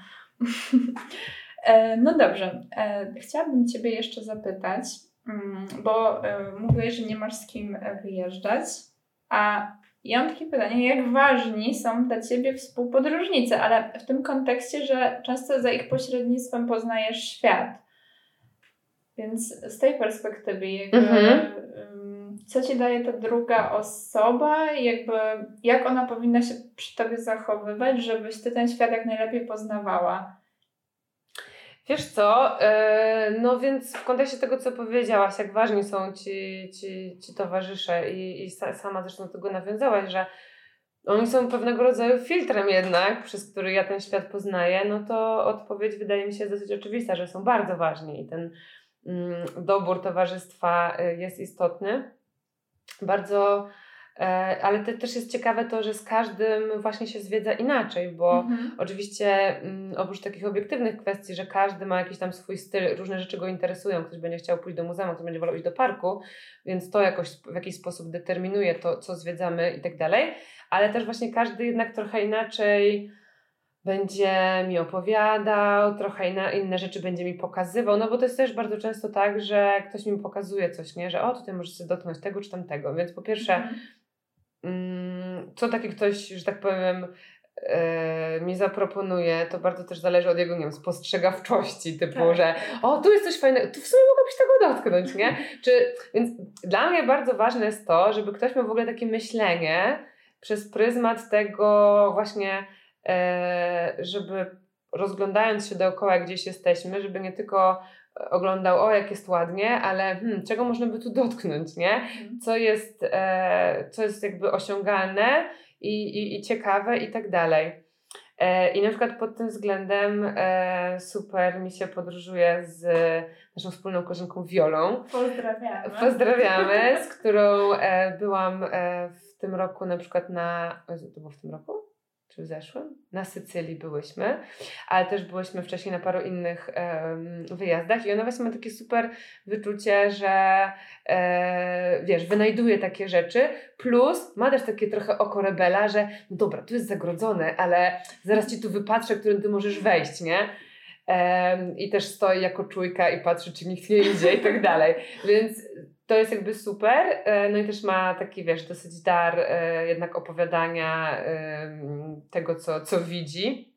No też y, ważne jest to, żeby jednak te osoby wiedziały w ogóle, co widzą, nie? To też musi być tak, osoba... słownictwo tych osób, tak? Jak one dobierają słowa do opisania tego świata. Tak, i żeby w ogóle wiedziały, co opisują, nie? A nie, że tu jest takie coś, ale w sumie nie wiem, co to jest. Tak. E, no bo właśnie też często jednak jest tak, że są osoby, które mówią, nie, wiesz co, e, tu jest zbyt niebezpiecznie, Mhm. tutaj nie możesz wejść, tu sobie nie poradzisz, a tu jest zamknięte, no to nie przejdziemy, więc ja jednak wolę takie osoby, które raczej wolą kombinować i e, no nie, nie, nie powiedzą mi, że oj sorry, tu jest dwumetrowy murek, to na pewno na niego nie wejdziesz. No bo kurde, ja wejdę na dwumetrowy murek, to co jest za problem, nie?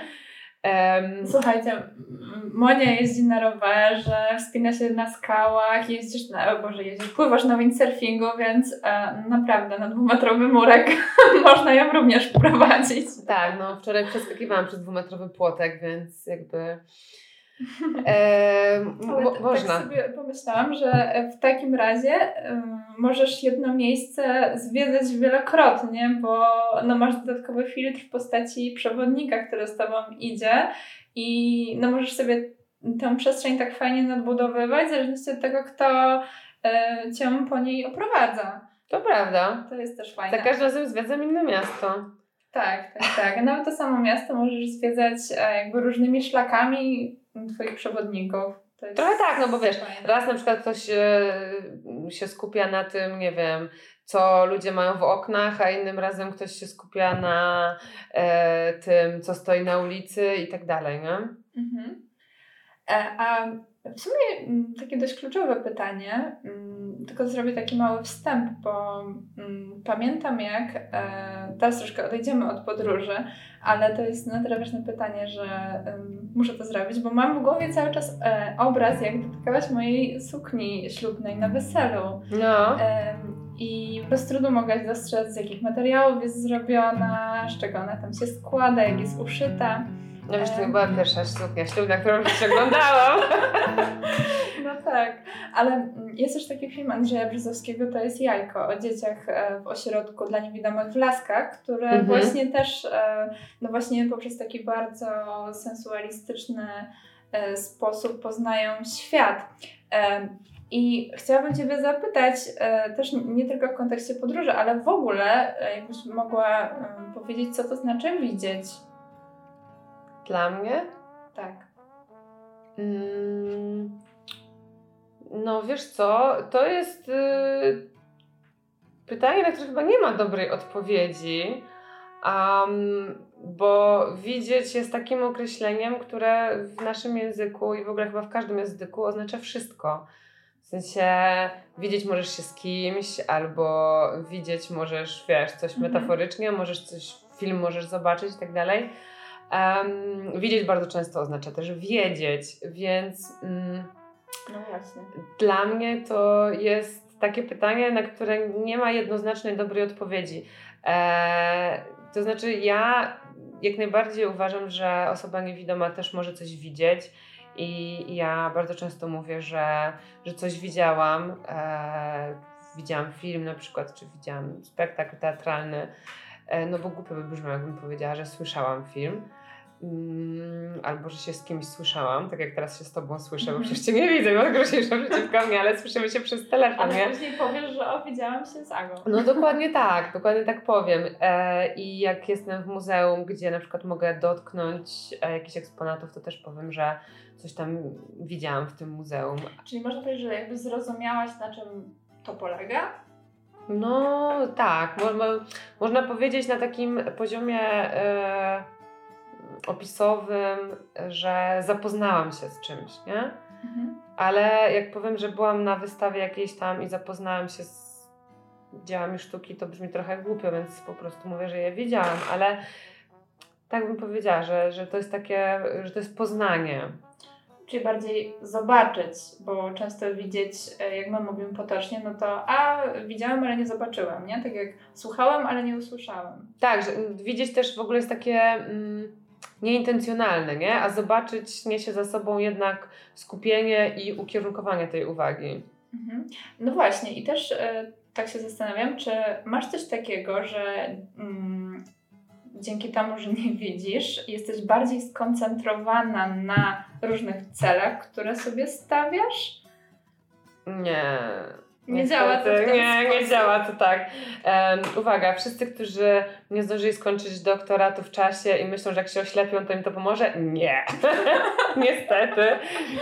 Nie, to w ogóle tak nie działa. Wydaje mi się, że to jest kwestia jednak jakaś osobowościowa i moja osobowość jest osobowością mm, nieposkładaną i osobowością w stylu 10 rzeczy rozpoczętych, żadna nieskończona, więc Ale Nie. na przykład y, w takim sensie, że mm, no nie idziesz na zakupy, nie rozpraszają cię reklamy, bo ich nie widzisz. E, Tak, no to, to, to, mm, ale to wiesz, to nie na celach, bo zapytałaś, czy jestem skoncentrowana Wiem, na celach. to Na czynnościach bardziej, to być może tak.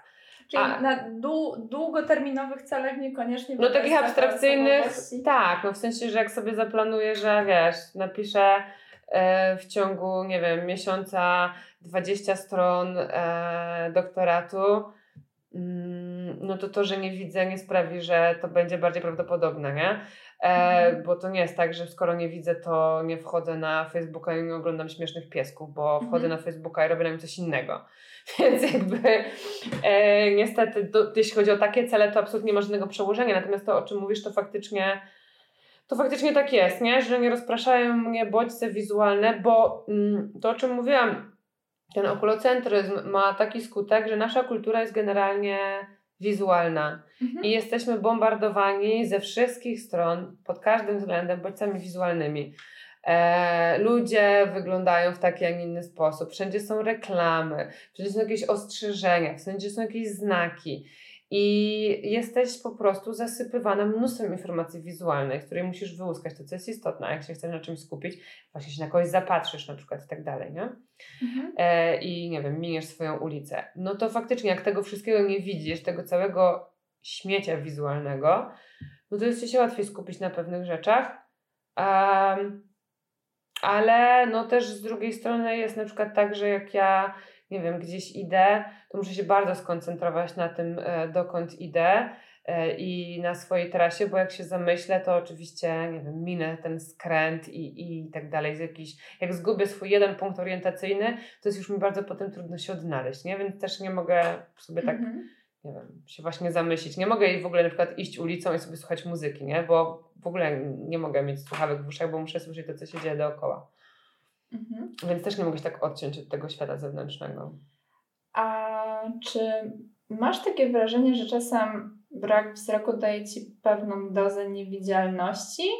I myślę tutaj w tym sensie, że na przykład nie musisz spuszczać wzroku, gdy, no nie wiem, czujesz się zażenowana albo tego typu rzeczy. Myślę, że tak odruchowo to robię. Mm, Ale jakby w tym duchu się zastanowić, to czy czujesz się w pewnym sensie bezpieczniej? O, to może o to by było pytanie. Mm, Że no nie, no nie musisz unikać czegoś spojrzenia, mm, bo tak... Mm, Trochę tak, trochę nie. To znaczy, y, wiadomo, y, nie muszę unikać czegoś spojrzenia, to na pewno, e, ale no, czuję, że ten ktoś na mnie patrzy, więc jeżeli to jest taka sytuacja, no bo kiedy unikamy czegoś spojrzenia? Kiedy jesteśmy w jakiejś takiej sytuacji nieprzyjemnej, tak? Kiedy na Mhm. przykład, nie wiem, zrobiliśmy coś złego albo, no nie wiem, nie spełniamy czyichś oczekiwań i on na nas patrzy groźnym wzrokiem i my nie chcemy tego No spojrzeć. No tak, więc jakby ja wiem, że sytuacja jest taka, jaka jest i na pewno on właśnie tak na mnie patrzy, więc mi wystarczy, że ma tę świadomość, nie? Mhm. Mm, także nie wiem, czy tutaj niewidzialności na pewno nie, bo za, zawsze mam takie poczucie, że właśnie przez to, że nie widzę, to jednak się dużo bardziej wyróżniam.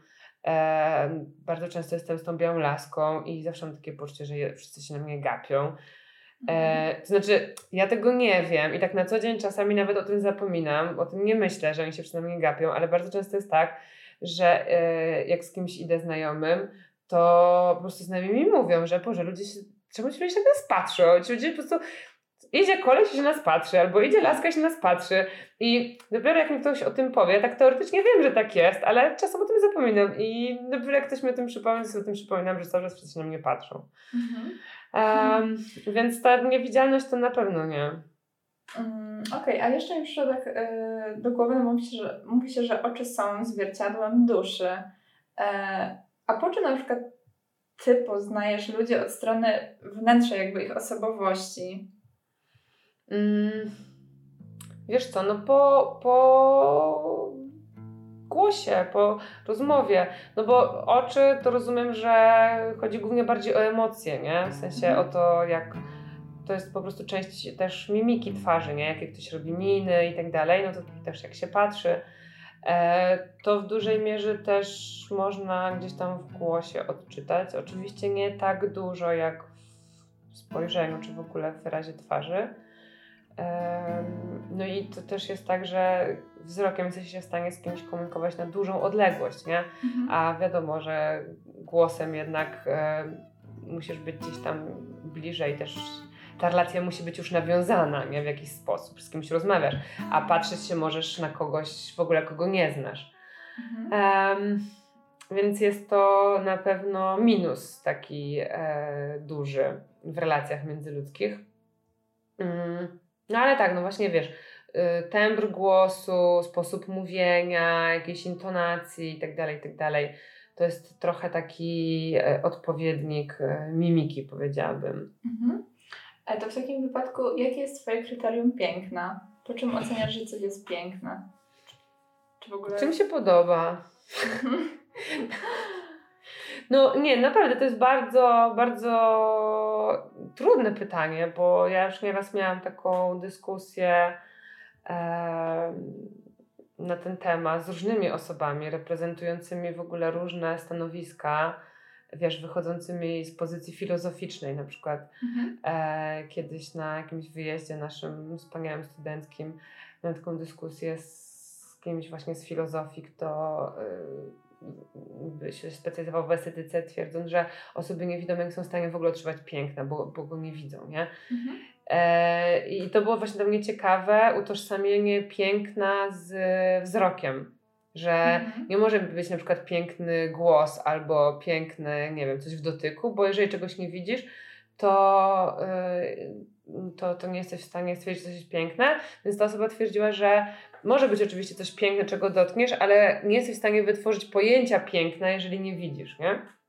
Ja się z tym nie zgadzam, ale ale, ale tak, yy, ale było to bardzo ciekawe w ogóle, nie? Bo to oczywiście było na takim dosyć poziomie wysokiej abstrakcji toczyliśmy tę rozmowę.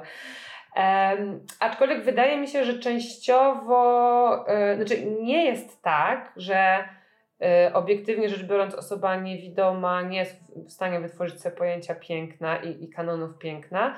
Natomiast faktycznie jest tak, że u osób niewidomych, niewidomych od urodzenia głównie, mhm.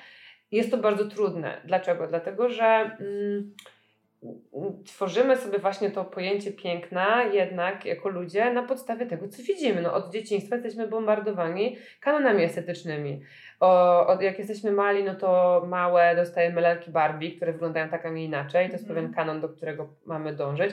Potem oglądamy, e, nie wiem, w podręcznikach do historii obrazy różne, oglądamy telewizję, oglądamy filmy. Po prostu widzimy wszędzie pewne wzorce. A jak ktoś nie widzi, to nie jest po prostu od dziecka bombardowany tymi wzorcami. Ale można powiedzieć, że jego spojrzenie jest bardziej krystaliczne. Eee... To spojrzenie mam na myśli mm, tak. wyobraźnię. Tak? No tak, ale wiesz, na przykład jeśli chodzi o, o wyobrażenie sobie mm, kanonów jakichś takich estetycznych e, wyglądu człowieka, Mm, osoba widząca od dziecka ogląda bardzo różne twarze na przykład i bardzo różne ciała. Mhm. A osoba niewidoma, e, no bardzo długo jedyny kontakt jaki ma, to, to jest jej własne ciało. No bo nie chodzi i nie dotyka wszystkich ludzi na ulicy, nie? A już nie mhm. mówiąc o tym, że nawet ci ludzie, którzy są dookoła, są stosunkowo podobni do siebie, bo tutaj w Polsce na przykład będą w większości przedstawicielami białej rasy y, odmiana środkowoeuropejska, nie? Mhm. E, a Hiszpanie będą zupełnie inni, a mieszkańcy Afryki będą zupełnie inni, a Japończycy będą jeszcze zupełnie mieli, wiesz, inną, inną figurę, posturę, kształty rysów twarzy i tak dalej, nie? I mm, nie, nie mają takiego, nie mają większego, jedynym ich punktem odniesienia jest ich własne ciało, bardzo długo. Mhm. E, więc... wydaje mi się, że te kanony, y, co jest ładne, a co nie, nie są w ogóle dla nich takim, wiesz, y, y, czymś, co rozważają. Mhm. No bo nie, nie ma takiego szerokiego spektrum, w którym można sobie wybierać, ok, to mi się podoba, tam to mi się nie podoba, nie? I dopiero jak w wieku, nie wiem, 10 czy 15 lat e, pójdzie taka osoba do muzeum i dotknie sobie kilku rzeźb i sobie faktycznie porówna, że ktoś ma większy nos, ktoś ma mniejszy, widzi pewne różnice, nie? Mhm. Ale wydaje mi się, że mm, faktycznie to, to jest dużo trudniejsze wtedy. Mhm. E, kilka pytań mi się nasunęło i chyba zacznę od tego, że no właśnie mm, już zaczęłaś o tym mówić, że osoba niewidoma od urodzenia e, kontra osoba, która straciła wzrok, mając już ten obraz rzeczywistości w głowie. Czy można powiedzieć, że któraś z tych osób jest w lepszej sytuacji? Mm, nie, moim zdaniem nie. To jest tak, że każdy pytonek chwali swój ogonek i są plusy i minusy każdej z tych sytuacji. Jak spotykam osoby niewidome do urodzenia, to mówią, że one są w dużo lepszej sytuacji. Jak spotykam osoby, które straciły wzrok, to one twierdzą, że są w dużo lepszej sytuacji, więc. E, Jak to uważasz? Wiesz co, no mi jest ciężko powiedzieć, bo ja jestem jednak właśnie w tej sytuacji powiedzmy utraty wzroku i, i to też mm, takiej e, nie stuprocentowej, bo ja mam poczucie światła, na przykład widzę kolory i to jest dla mnie szalenie istotne, że wiem jak wyglądają kolory, nie, nie wyobrażam sobie w ogóle, bardzo często mnie ludzie właśnie pytają, a jak to jest niewidomymi o kolorach. I ja mówię, ja nie jestem w stanie do końca odpowiedzieć na to pytanie, bo ja widzę kolory. Będziesz miał limonkową bluzeczkę? E, no teraz nie, bo jest za daleko i jest trochę ciemno. Ale, ale jak skończymy rozmowę i na przykład y, przy lepszym świetle Cię obejrzę, to pewnie będę w stanie zobaczyć, że jest limonkowa. Mm, więc y, osoby niewidome od urodzenia, wiesz, mają jakby zupełnie, są w zupełnie innej sytuacji pod tym względem niż ja. Więc osoby niewidome e, od urodzenia, jako główny taki argument, że są w lepszej sytuacji, mówią, że dla nich to jest normalne, że one nie mają poczucia, że coś straciły. Mhm. One no się jakby uczyły żyć od początku e, bez użycia wzroku i, i, I to jest jedyna rzeczywistość, jaką znają, i, i, to, i ta rzeczywistość jest dla nich ok. W sensie wiadomo, że e, ze wzrokiem byłoby im być może łatwiej, no ale to jest tak jak, jak wiesz, no ja i ty. Mm, fajnie byłoby, gdybyśmy pewnie miały willę w Monako, nie? Ale nie mamy i jakby nie wiemy, jak to jest ją mieć, bo nigdy jej nie miałyśmy, nie? Mhm. E, myśli, myślimy sobie o tych ludziach, którzy mają i oczywiście im zazdrościmy, ale jakby mimo to jesteśmy w stanie żyć.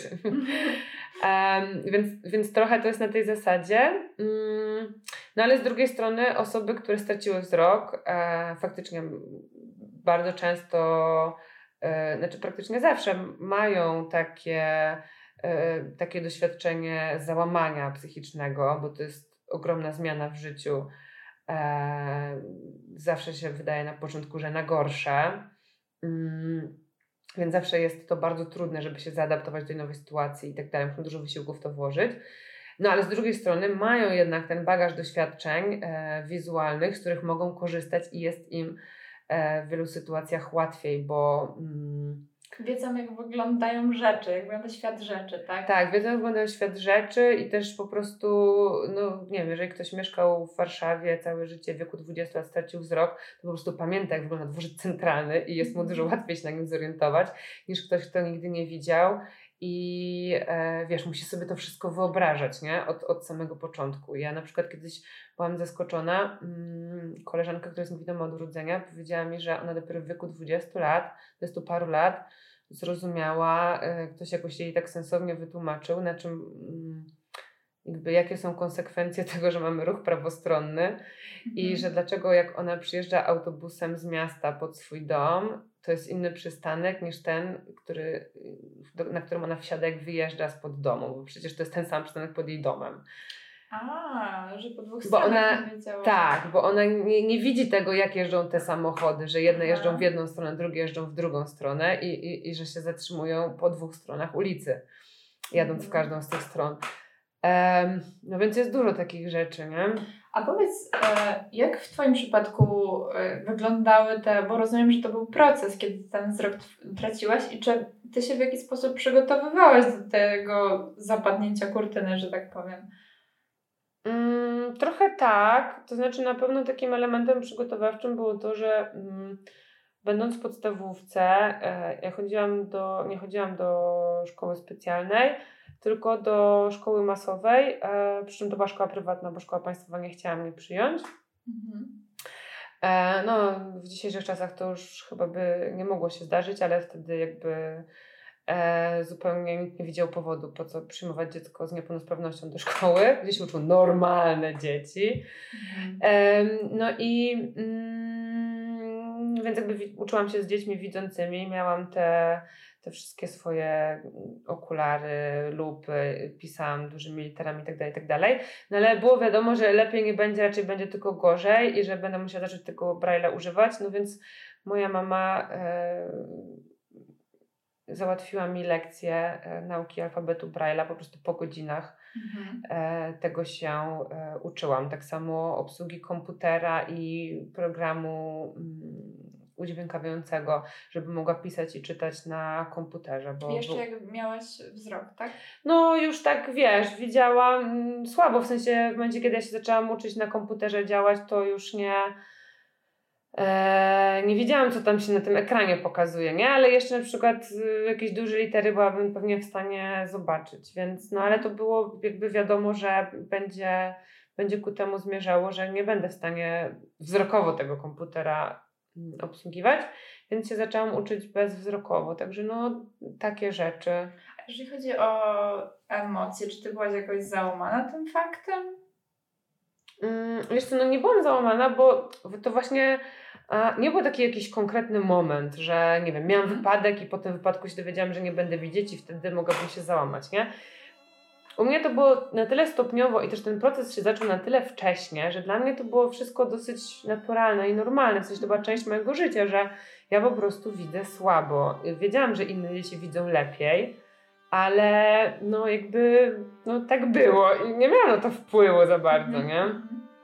Ja się oczywiście się, oczywiście się buntowałam i że dla, nie wiem, że nie będę chodzić z białą laską, bo to obciach i że ludzie będą mnie wytykać. Jeszcze te okulary miałam takie grube, więc te okulary takie okropne i że dzieci się ze mnie śmieją i tak dalej. No ale no nie nazwałabym tego załamaniem, w sensie, no wiesz, dzieci mają kompleksy na tle różnych rzeczy, nie? Że są mhm. za grube, albo że są za chude, albo że mają duże stopy, albo że mają coś tam. No więc ja miałam, że mam takie grube okulary i w ogóle jestem brzydka. No ale mm, nie wiem, czy to było załamanie. No, nie, nie miałam nigdy takiego momentu, że nagle usiadłam i stwierdziłam, mm. że teraz to już nic się nie da zrobić. Nie? W sensie wiadomo, że było mi ciężko w niektórych momentach, się strasznie złościłam i płakałam i tak dalej, i tak dalej, ale mm, to było wszystko raczej zawsze takie, takie płynne i zawsze to był jednak jakiś tam proces. Nie? Mhm. A dużo pamiętasz jeszcze ze świata widzialnego? Pamiętasz na przykład twarze? Mm, nie do końca, to znaczy nie pamiętam dokładnie jak wyglądają, nie wiem, jakieś, nie wyglądają moi najbliżsi, bo to też było bardzo dawno temu. E, prawda jest też taka, że wzrok człowieka się kształtuje do szóstego roku życia. To nie jest tak, że dzieci widzą wszystko super. Mhm. E, I jak ja zaczęłam tracić wzrok w wieku czterech lat, to ten wzrok wcale nie był jeszcze do końca dobrze wykształcony i Mm, ja pamiętam, że coś widziałam. W sensie na przykład pamiętam, że widziałam twarze ludzi. E, pamiętam, że byłam w stanie na przykład zobaczyć czyjeś oczy, ale mm, nie byłam w stanie zobaczyć wyrazu twarzy. Nie, mm -hmm. nie, nie pamiętam jak, nie wiem, e, wiesz, jak jest dużo jakichś takich określeń typu spłoszone spojrzenie. Nie jestem w stanie wyobrazić spłoszonego spojrzenia, nie? Mhm. Albo nie wiem, powłóczystego, bo, bo, bo nie, nie, nie pamiętam jak takie rzeczy wyglądają. Nie pamiętam jak wygląda twarz ludzka, ale na przykład nie pamiętam emocji, które, jak wygląda mhm. twarz jakaś, wiesz, z emocją taką czy inną. Ale jeżeli chodzi o jakieś elementy krajobrazu, typu właśnie niebo, górę, widziałaś takie rzeczy?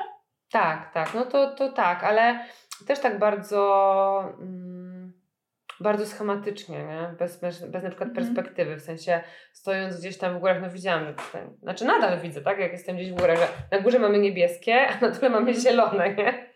Czy to raczej była taka, te obrazy to są, to jest perspektywa tej czterolatki, tak? Yy, Można powiedzieć, bo wtedy jakby widziałaś najwyraźniej, ale wciąż Tak. tym wzrokiem niewykształconym. Trochę tak, no i wiesz, no to też mówię, to są rzeczy, które widziałam 20 parę lat temu, więc też no jednak nie do końca je tak pamiętam.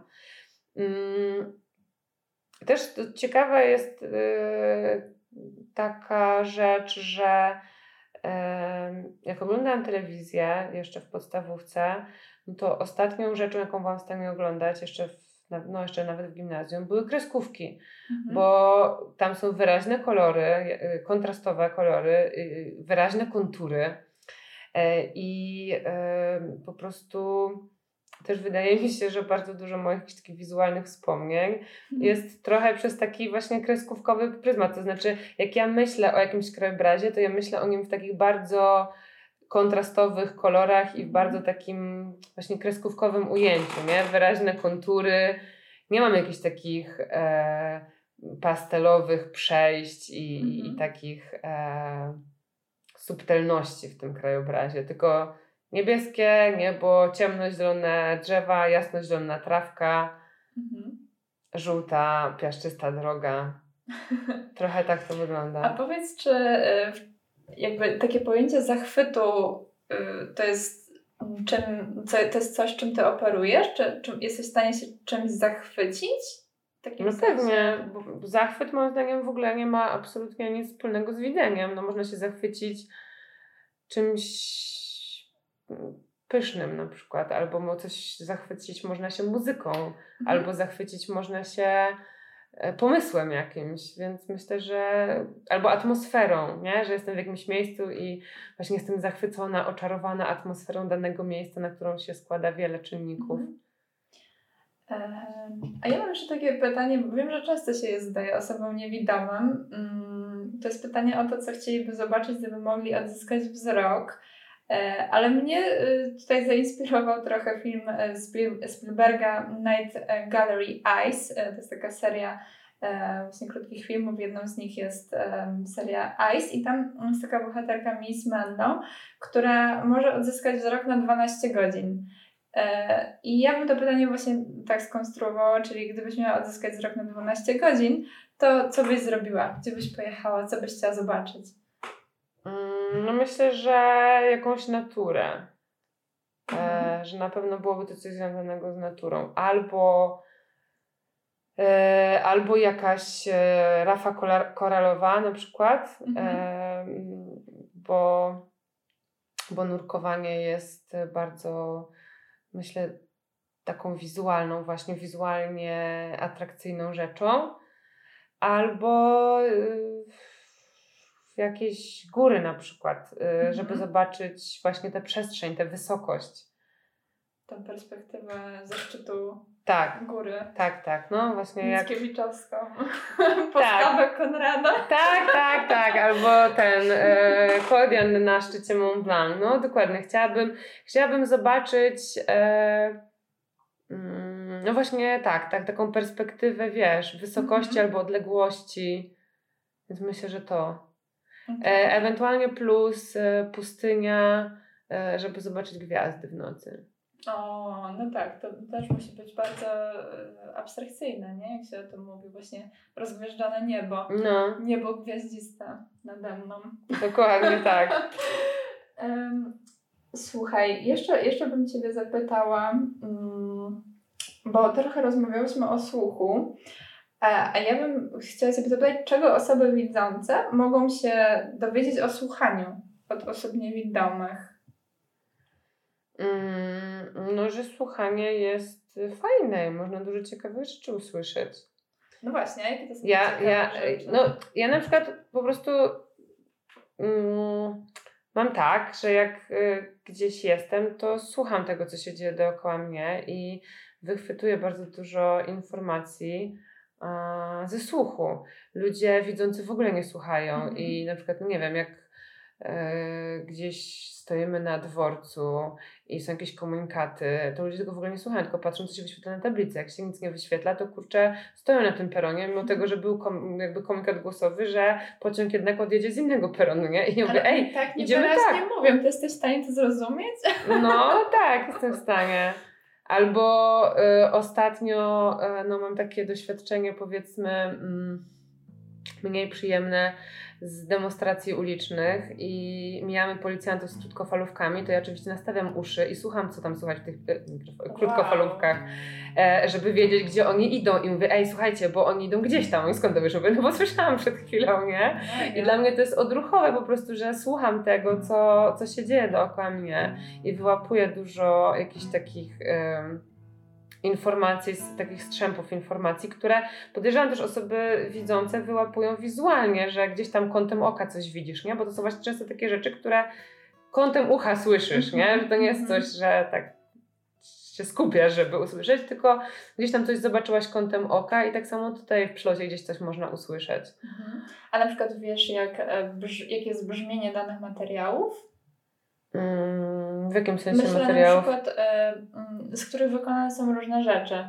Na przykład idziesz sobie ulicą i nie wiem, laska uderza o metal i ty wiesz, że to jest poręcz od schodów. Tak, tak, tak. No jak najbardziej. To jest bardzo ważna informacja um, akustyczna przy, przy orientowaniu, w orientacji przestrzennej generalnie. y, Te informacje akustyczne są bardzo ważne, bo um, też na przykład wiesz, y, laska inaczej o różne podłoże y, uderza. Możesz iść po bruku, po asfalcie, po chodniku. To jest też ważne, żeby wiedzieć, e, tu masz na przykład kostkę, a tu masz płyty chodnikowe.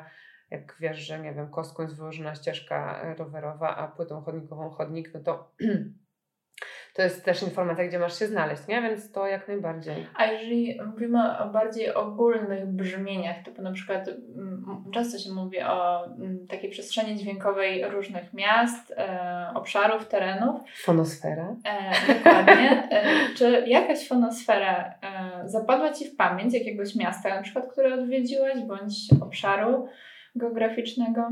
Mm, no, myślę, że była to na pewno e, fonosfera e, Ameryki Południowej, Mhm. która była zupełnie, zupełnie inna niż e, w Europie, ze względu chociażby na mm, faunę, no, na, na ptaki, które są tam zupełnie inne, Mhm. e, na to, że ludzie mówią tam po hiszpańsku y, i mówią w sposób specyficzny, e, inny niż tutaj.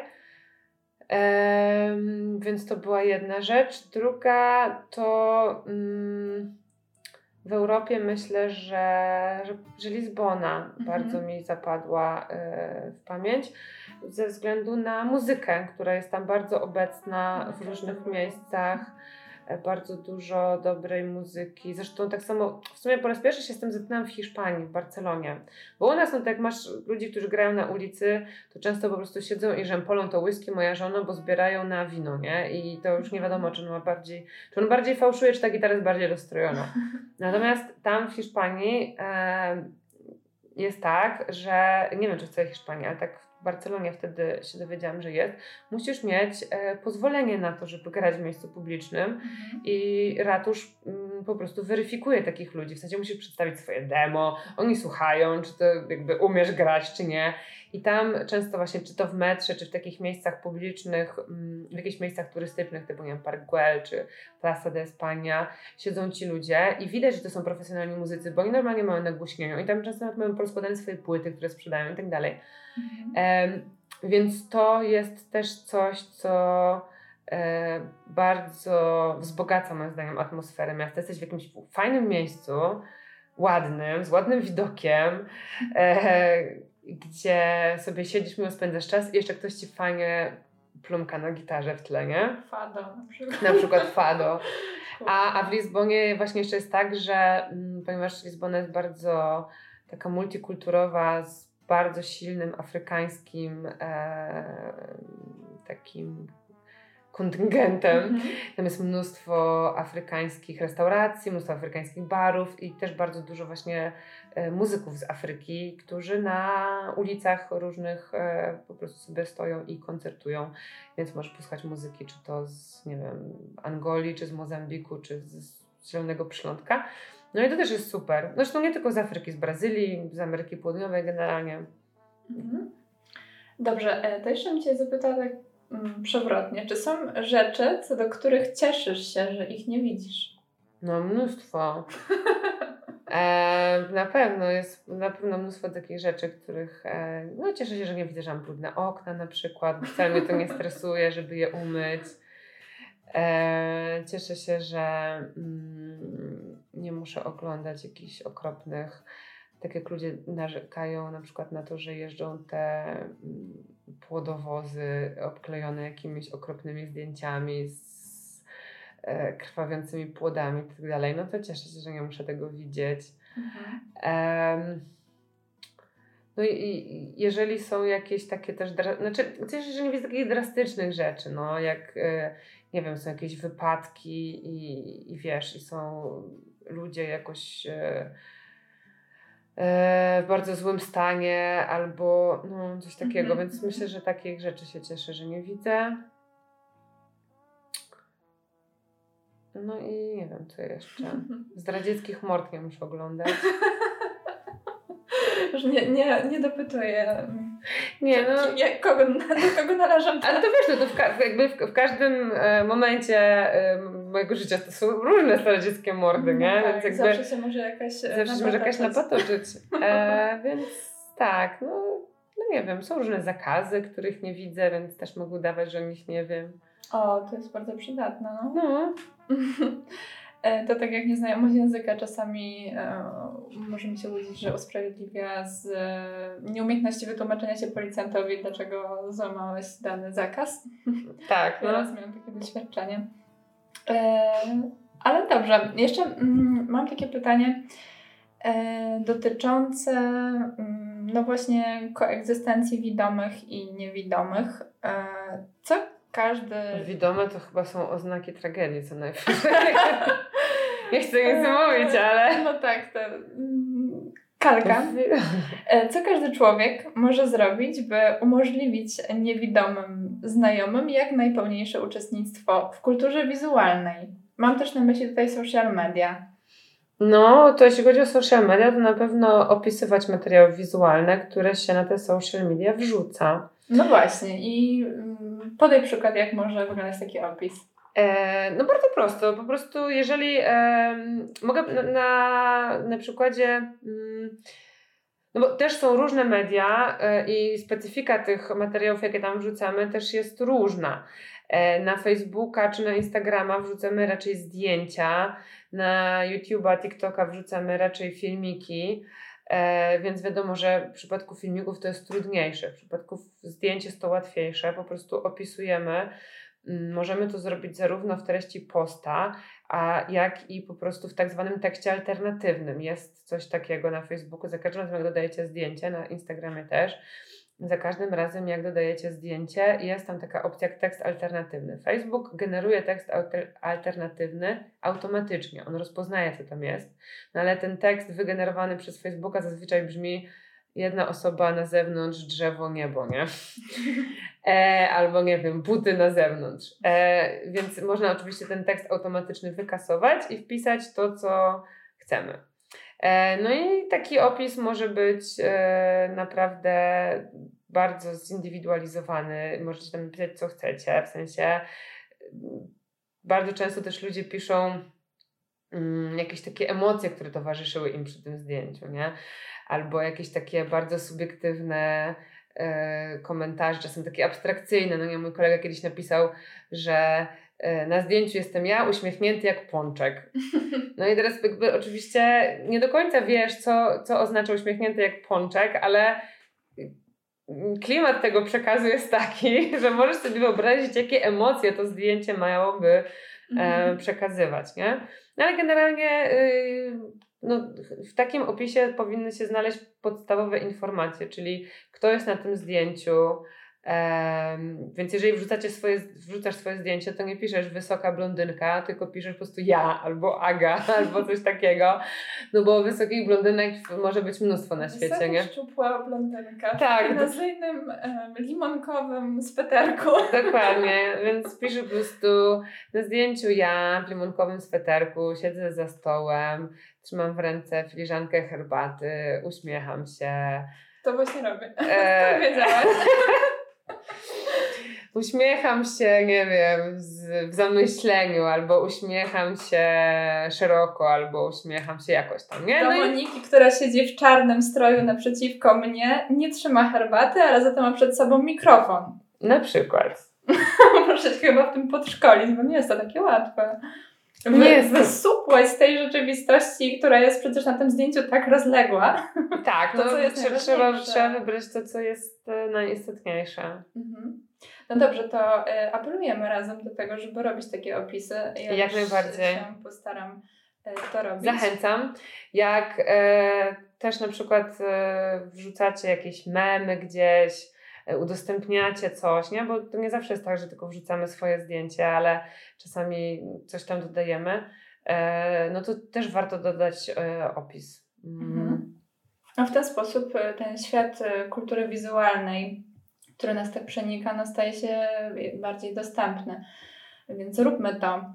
A płynnie teraz możemy przejść do TikToka i do tego, że jesteś gwiazdą TikToka, mając prawie pół miliona tego tak, obserwujących.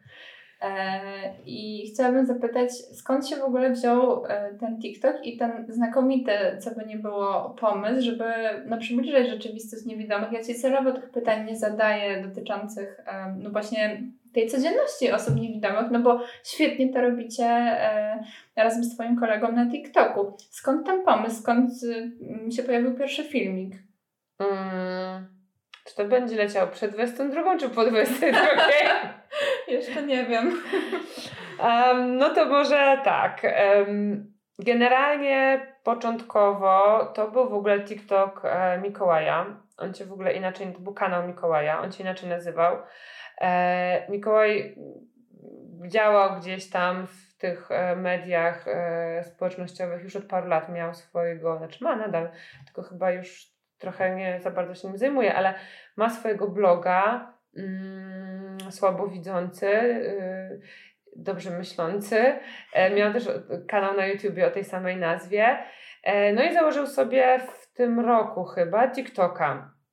Z takim, bo on wyjechał w tym roku na Erasmusa e, do Włoch e, i miał takie założenie, że może na tym TikToku będzie coś trochę tam pokazywał, e, może trochę właśnie po włosku, może coś tam. No i tam wrzucił parę, parę filmików, ale chyba jakoś tak nie, nie- był jeszcze rozkręcony bardzo ten, ten kanał, bo ten YouTube no to już tam ma parę lat, nie wiem, ze dwa czy coś, a ten TikTok w tym roku. E, No i jak się skończył lockdown, mm, spotkaliśmy się w czerwcu po długim niewidzeniu się, e, przy tym samym stole zresztą, tak, także to jest historyczny stół. E, I mm, rozmawialiśmy o tym, że był taki pomysł, żeby nakręcić tam, to już nieważne dla kogo i dlaczego i tak dalej, ale że był taki pomysł, żeby nakręcić taki film e, na YouTube'a mm, z najdziwniejszymi pytaniami, jakie się zadaje niewidomym. E, Bo naprawdę są tak, jest, jest, jest trochę takich pytań, które każdy z nas w życiu usłyszał i po prostu czasem nie wie, co z tym zrobić. E, Ale ten pomysł upadł z różnych względów. E, mm, Osoba, która początkowo jakby była inicjatorem tego, jednak stwierdziła, że nie. No i no ale właśnie o tym sobie rozmawialiśmy, o tych pytaniach, no jakie te pytania, i Mikołaj mi zaczął czytać, bo miał być w to zaangażowany, zaczął mi czytać, jakie tam te pytania e, były. I ja mówię, no tak, no to część to też jakby znam, część to jakieś tam nowe. I trochę się wygłupialiśmy. I e, on mówi, no dobra Monika, ale no to ja byś odpowiedziała na takie pytania, nie? I zadał mi trzy pytania, ja powiedziałam, odpowiedziałam te pytania i mówi, wiesz co, bo ja to nagrałem w sumie i ja sobie myślę, że to może byłoby fajne na TikToka, może ja to wrzucę. Mm, a ponieważ jakby to spotkanie już trwało od dawna i byliśmy mniej więcej chyba w połowie drugiej butelki soku z gumi jagód, to ja oczywiście stwierdziłam, no nie, no spoko, pewnie wrzucaj. Mm, no dla mnie to nie był koniec tego wieczoru, bo ja po spotkaniu z nim jeszcze szłam na spotkanie ze znajomymi, e, na którym e, jakby jeszcze więcej soku z gumiagód wypiłam i jak rano o godzinie 16 się obudziłam, bo Mikael do mnie zadzwonił, to byłam ledwo żywa, a zaraz miałam pociąg do Lublina. No dobra, obudziłam się o 13. E, ale stwierdziłam, że się na ten pociąg w ogóle nie doczołgam. nie byłam w najlepszym stanie. On do mnie dzwonił i słuchaj, słuchaj, ten filmik miał w ogóle mnóstwo wyświetleń, jest mnóstwo komentarzy, że ludzie chcą więcej e, filmików z tobą, musimy coś nakręcić. Ja mówię, ale ja zaraz jadę do domu i e, w ogóle to się niezbyt dobrze czuję, a wyglądam pewnie jeszcze gorzej niż się czuję. Mówi, dobra, dobra, nieważne, przyjadę, jakoś cię ogarnę, musimy coś nakręcić. No i przyjechał tutaj wtedy w niedzielę, nagraliśmy kolejne trzy filmiki. Ja pojechałam do domu, do mojej mamy e, na w sumie chyba za dwa tygodnie. Mm. I potem pod koniec czerwca wróciłam, bo były wybory, no to się spotkaliśmy, nagraliśmy jakieś tam kolejne rzeczy. E, I Mikołaj potem pojechał do Włoch prawie na miesiąc, czy na, no tak, prawie na mhm. miesiąc, na cały lipiec. Mm, no i wtedy ten kanał, że tak powiem, obumarł, bo żeśmy się nie widzieli i żeśmy nie, nie nagrywali nic. E, I na ostatni tydzień lipca ja do niego poleciałam byliśmy razem i wtedy tak żeśmy rozmawiali, że no zaczęliśmy też oczywiście kręcić TikToki kolejne i żeśmy je tam wrzucali i stwierdziliśmy, że skoro mm, w sumie to jest teraz taka sytuacja, że razem się tam pokazujemy, a nawet ja się pokazuję bardziej, a on bardziej już tylko kręci, to że wypadałoby zmienić nazwę być może tego kanału, żeby ten, ta nazwa jakoś bardziej oddawała no właśnie, to, że to jest nasze wspólne nazwie, dobro. Bo nazwa jest bardzo fajna i e, zszyfruję, proszę. E, nazwa to VIP Team. E, official. E, tak, VIP Team Official. Znaczy generalnie dlatego, że samo VIP Team było zajęte, więc musieliśmy to jakoś rozwinąć. E, wiedzieliśmy, że chcemy, żeby to była nazwa VIP, a, I zastanawialiśmy się, VIP co? No, VIP, y, y, VIP duet, VIP couple, VIP coś tam. Stwierdziliśmy, że team jest chyba najfajniejszym określeniem, bo y, nie ogranicza się tego jednak do dwóch osób, tylko jakbyśmy chcieli jeszcze kiedyś kogoś zaprosić do współpracy, to zawsze ten team może się rozrastać. Faktycznie takie, że czasami się rozrasta. Mm, a dlaczego VIP? E, to jest e, skrót e, od angielskich słów E, visually impaired person, czyli osoba z niepełnosprawnością wzroku. Mhm. I ten kanał generalnie skupia się właśnie na tematyce mm, osób z niepełnosprawnością wzroku, bo ja jestem osobą niewidomą, a Miko jest osobą słabowidzącą. Mnie jeszcze bardzo zastanawia, kto wam montuje te filmiki. Czy on Mikołaj.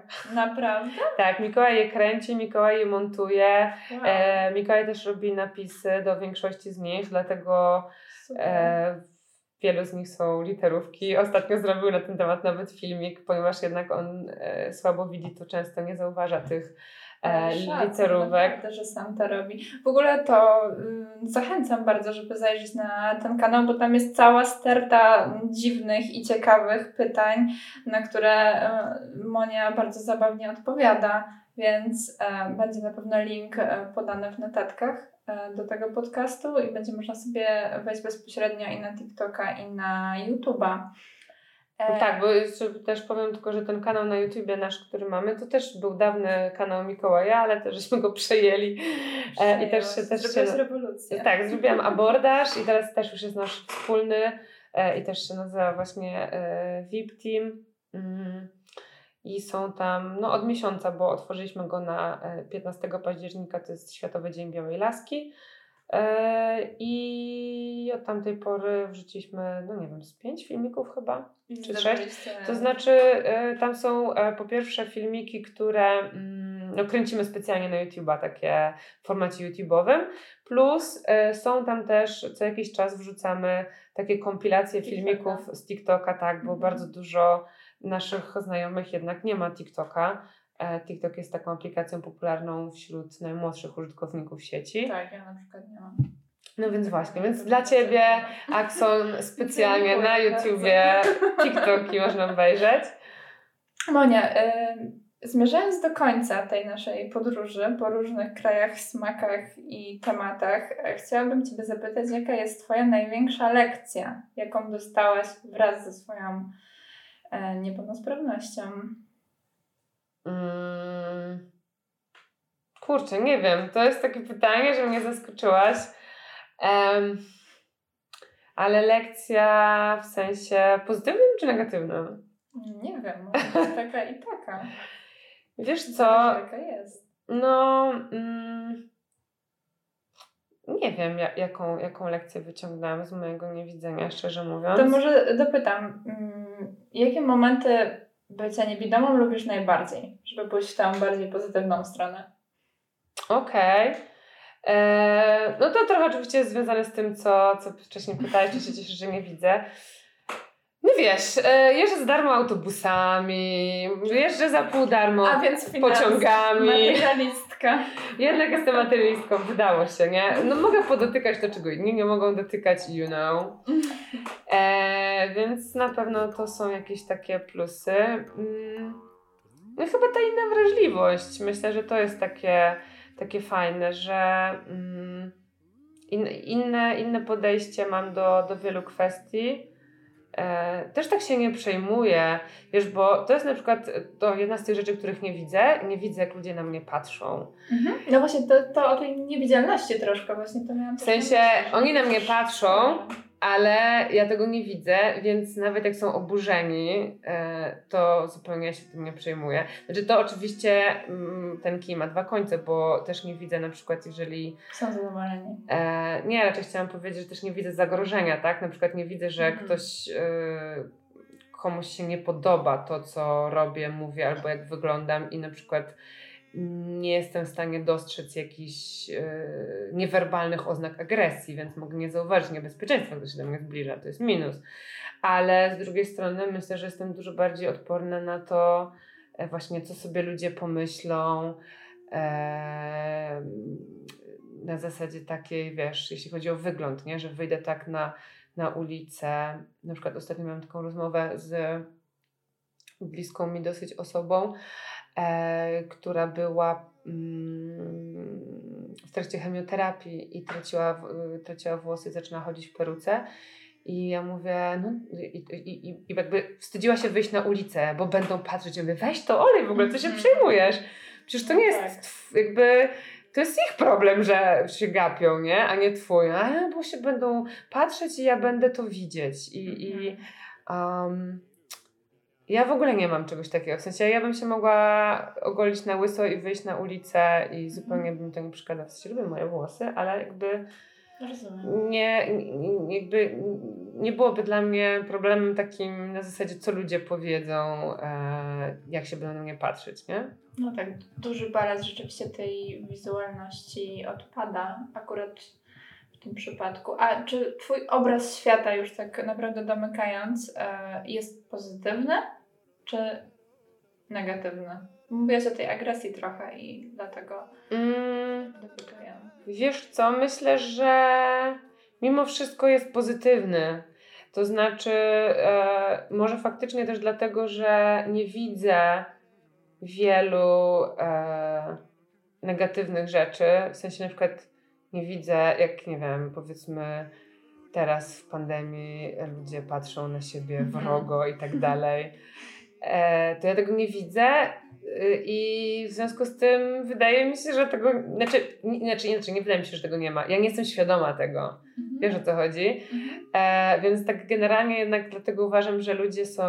Dopóki ktoś się nie odburknie. Tak, dokładnie. Z tonem. Na przykład e, jak się zaczynała ta pandemia, mm, zaczynała się cała ta sytuacja, mm, to ja byłam w Maroku w marcu i zastał nas tam lockdown. Znaczy nie mogłyśmy wrócić do Hiszpanii z koleżanką, musiałyśmy się ewakuować lotem do domu, do Polski. E. I to było tak, że dosłownie w ciągu dwóch dni e, ludzie zupełnie inaczej reagowali na nasz widok. I właśnie ona mi powiedziała, że e, że oni się na nas patrzą tak jakby się nas zabić i po prostu jak na nas patrzyli, byliśmy jedynymi już turystkami po prostu, widać było, że wszyscy już, że tak powiem, zwiali i oni na nasz widok krzyczeli korona albo nic nie krzyczeli w ogóle mhm. i rozłączyło nas i musimy wrócić do tego tematu, bo zaczęła się pandemia, wy byłyście turystkami. Tak, tak było. Mm, wtedy To było dzień po tym, dwa dni po tym, jak e, Maroko ogłosiło zamknięcie granicy z Hiszpanią, bo w Maroku niby jeszcze nie było mm, COVID. E, co podejrzewam nie było prawdą, pra, tylko po prostu nie robili testów, więc nie mieli żadnych oficjalnych e, tych stwierdzonych przypadków. No w Hiszpanii już było bardzo dużo i postanowili zamknąć granicę.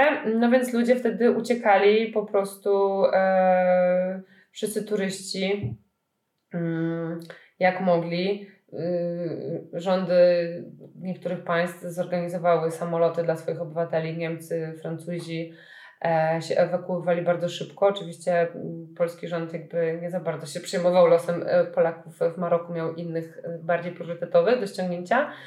E, więc my czekałyśmy tam kilka ładnych dni na to. Mm, no i z dnia na dzień e, faktycznie obserwowałyśmy zmianę nastawienia. W sensie najpierw ludzie na nas patrzyli na ulicy i krzyczeli korona, ale to było takie bardziej żart, śmiechem, żartem. Ale już po dwóch dniach y, patrzyli na nas y, bardzo wrogo. E, bo podejrzewam, że taka była narracja, no, że jakby w Europie jest zaraza, w Afryce jeszcze nie ma i ci źli turyści e, zaraz nas zarażą, więc byłyśmy traktowane jako potencjalne mm, rozsadniki zarazy. No i e, ja bym o tym nie wiedziała, gdyby mi nie powiedziała moja koleżanka, z którą tam byłam, że oni po prostu na nas patrzą tak, jakby chcieli nas zabić. Mhm. I, I że była ta agresja, była ta wrogość w ich wzroku, ale ja tego nie wiedziałam i po prostu wydawało mi się, że jest wszystko jest okej. Okay. Mhm. No rzeczywiście, to no, jest niewątpliwie bardzo dużo pozytywów w tym, co mówisz i myślę, że na tym się zatrzymamy, mm, żeby z tym pozytywnym obrazem świata e, w podróży i nie tylko e, zostać. Czy jest jeszcze coś, co chciałabyś e, powiedzieć na koniec? Jestem bardzo kiepska w takich rzeczach, więc nie mam żadnego przekazu dla potomnych. Myślę, że cała rozmowa już jest takim przekazem. Ale mogę powiedzieć, że mm, zdradzę tutaj, że Agnieszka pytała mnie przed naszą rozmową, czy byliśmy gdzieś razem za granicą. Ja powiedziałam, że nie, a potem uświadomiłam mi, że byliśmy razem w Wilnie, ale to było e, jakieś mniej więcej chyba jeszcze przed upadkiem muru berlińskiego. Więc chciałam powiedzieć tylko na zakończenie, że mam nadzieję, że uda nam się gdzieś, e, drogie Aksonie, pojechać wspólnie. Również mam taką nadzieję i coraz bardziej chcę gdzieś wyjechać dalej, chociaż podróże głębokie można również odbywać po Polsce, ale jednak bycie za granicą to szczególne bycie. Mam, ma, marzę na przykład o wspólnej naszej wyprawie na wschód. Tak. O, bardzo bym chciała, żebyśmy, ja się w ogóle bardzo z Rosją stęskniłam i fajnie byłoby ja do Rosji e, pojechać w tak zacnym towarzystwie, więc może następny odcinek I wspólnych nawzajem. rozmów e, z Rosji. Z Rosji, no jest to jakiś pomysł. E, dobrze, Moniko, bardzo Ci dziękuję za wspaniałą, głęboką, mam nadzieję, rozmowę. Ja się bardzo dużo nauczyłam, mam nadzieję, że słuchacze również. Ja też dziękuję za rozmowę. Dziękuję przede wszystkim za zaproszenie do tej rozmowy, bo to była dla mnie bardzo fajna przygoda.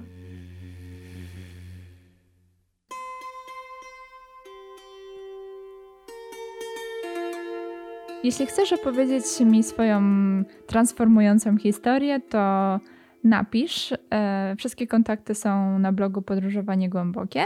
Zachęcam do zapisania się e, na listę odbiorców newslettera, by nie przegapić żadnej rozmowy.